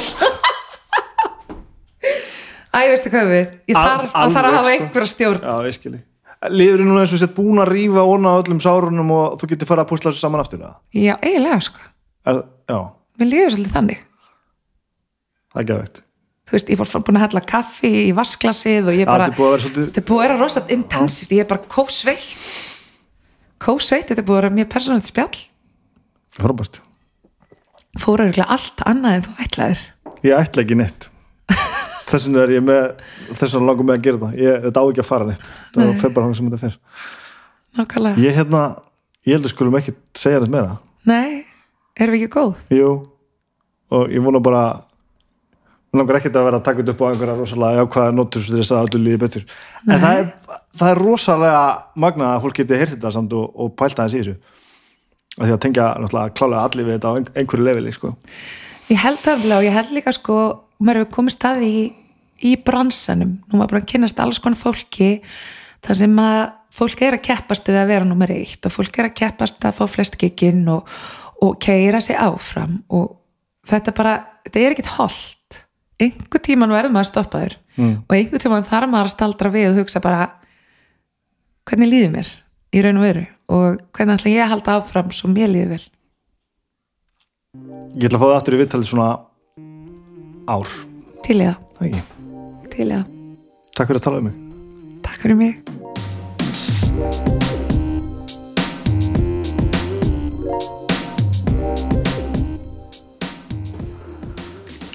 Hvað á maður að segja eftir svona? Þetta er uh, skrítið að sittja svona og tala við fólk sem að er svona mitt í þessum harkalegu aðgerum að gera upp eitthvað sem er erfitt að gera upp. Og og ótrúlega að sjá bara hvað hún var einhvern veginn, allur þessi styrkur sem hún býr yfir að mæta bara mitt í allri öllum tilfinningastorminum og tala bara um þetta eins og þetta er. Búin að átta sig á því alveg nákvæmlega hva, hvernig þetta er, hvað hún þarf að gera. Og hún er bara búin að, að setja sig í, í réttu spórin og heldur bara áfram veginn og það er bara alltaf bara að klára þetta og svo tekur bara lífið aftur við og, og, og, og bara ótrúlega augljóst að sjá það að það er eina stefnan, við töluðum svolítið saman eftir þáttinn, eftir að ég slökti á, á hljóðneimunum og það var bara það var ekkert erfitt að lesa í það. Hún er bara fröðum batavegi er, en er ekkert að flýta sér, hún ætlar greinilega bara að gera þetta alveg, gera þetta upp í eitt skipti fyrir öll, stokka þetta upp. Hún er þakklátt fyrir allt sem hún á og, og, og, og ég er alveg fullkomlega sannfærum með það hún á eftir að eftir að koma út úr þessu þráðbein í baki og fór að gera það sem, að, það sem að henni finnst skemmtilegast að gera og bara taka lífið fyrstum tökum. Þetta er góður ímandir fyrir okkur öll. Við skulum öll muna að byrja ekki hlutina inni. Uh, hvort sem við höfum lendt í einhverju eða, eða við erum bara einhverju stað sem við viljum ekki vera. Við skildum aldrei reyna að halda hlutunum inni. Það er fullt af fólki sem að vill hlusta og við eigum að leifa öðrum að hlusta og við eigum að reyna að ná sátt við það sem við erum ósátt við ég hef alveg þurft að gera það á einhverjum, einhverjum leveli og, og, og það er alveg hægt. Það er bara þannig. Svo skildum við heldur ekki glema að tjekka á fólkinu sem stendur okkur næst. Maður veit aldrei hva, hvað það er sem að fólk hefur upplifað eða hvernig í líður. Og þó maður er ekki að ráðast á fólk og, og, reyna að tæta það á hól og reyna að brjótast inn í sálarfylsnin þá þá þarf maður ofti ekki nema að opna augun aðeins og líti kringu sig og þá tekum maður eftir hlutum sem maður kannski vissi ekki af. Og þá er kannski hægt að spyrja eða, eða bara taka út af fólk sem okkur þykir vantum og svo bara síðast en síst þá skulum við bara gá að okkur öll og við maður á ekki að gera eða segja hluti sem skil, skilja eftir sig opinsár og, og skemma líf fólks. Þannig að þetta er nú þetta var nú vittaldagsins þetta tók nú all passlega á. En mikið er ég gladur að, að við gerðum þetta.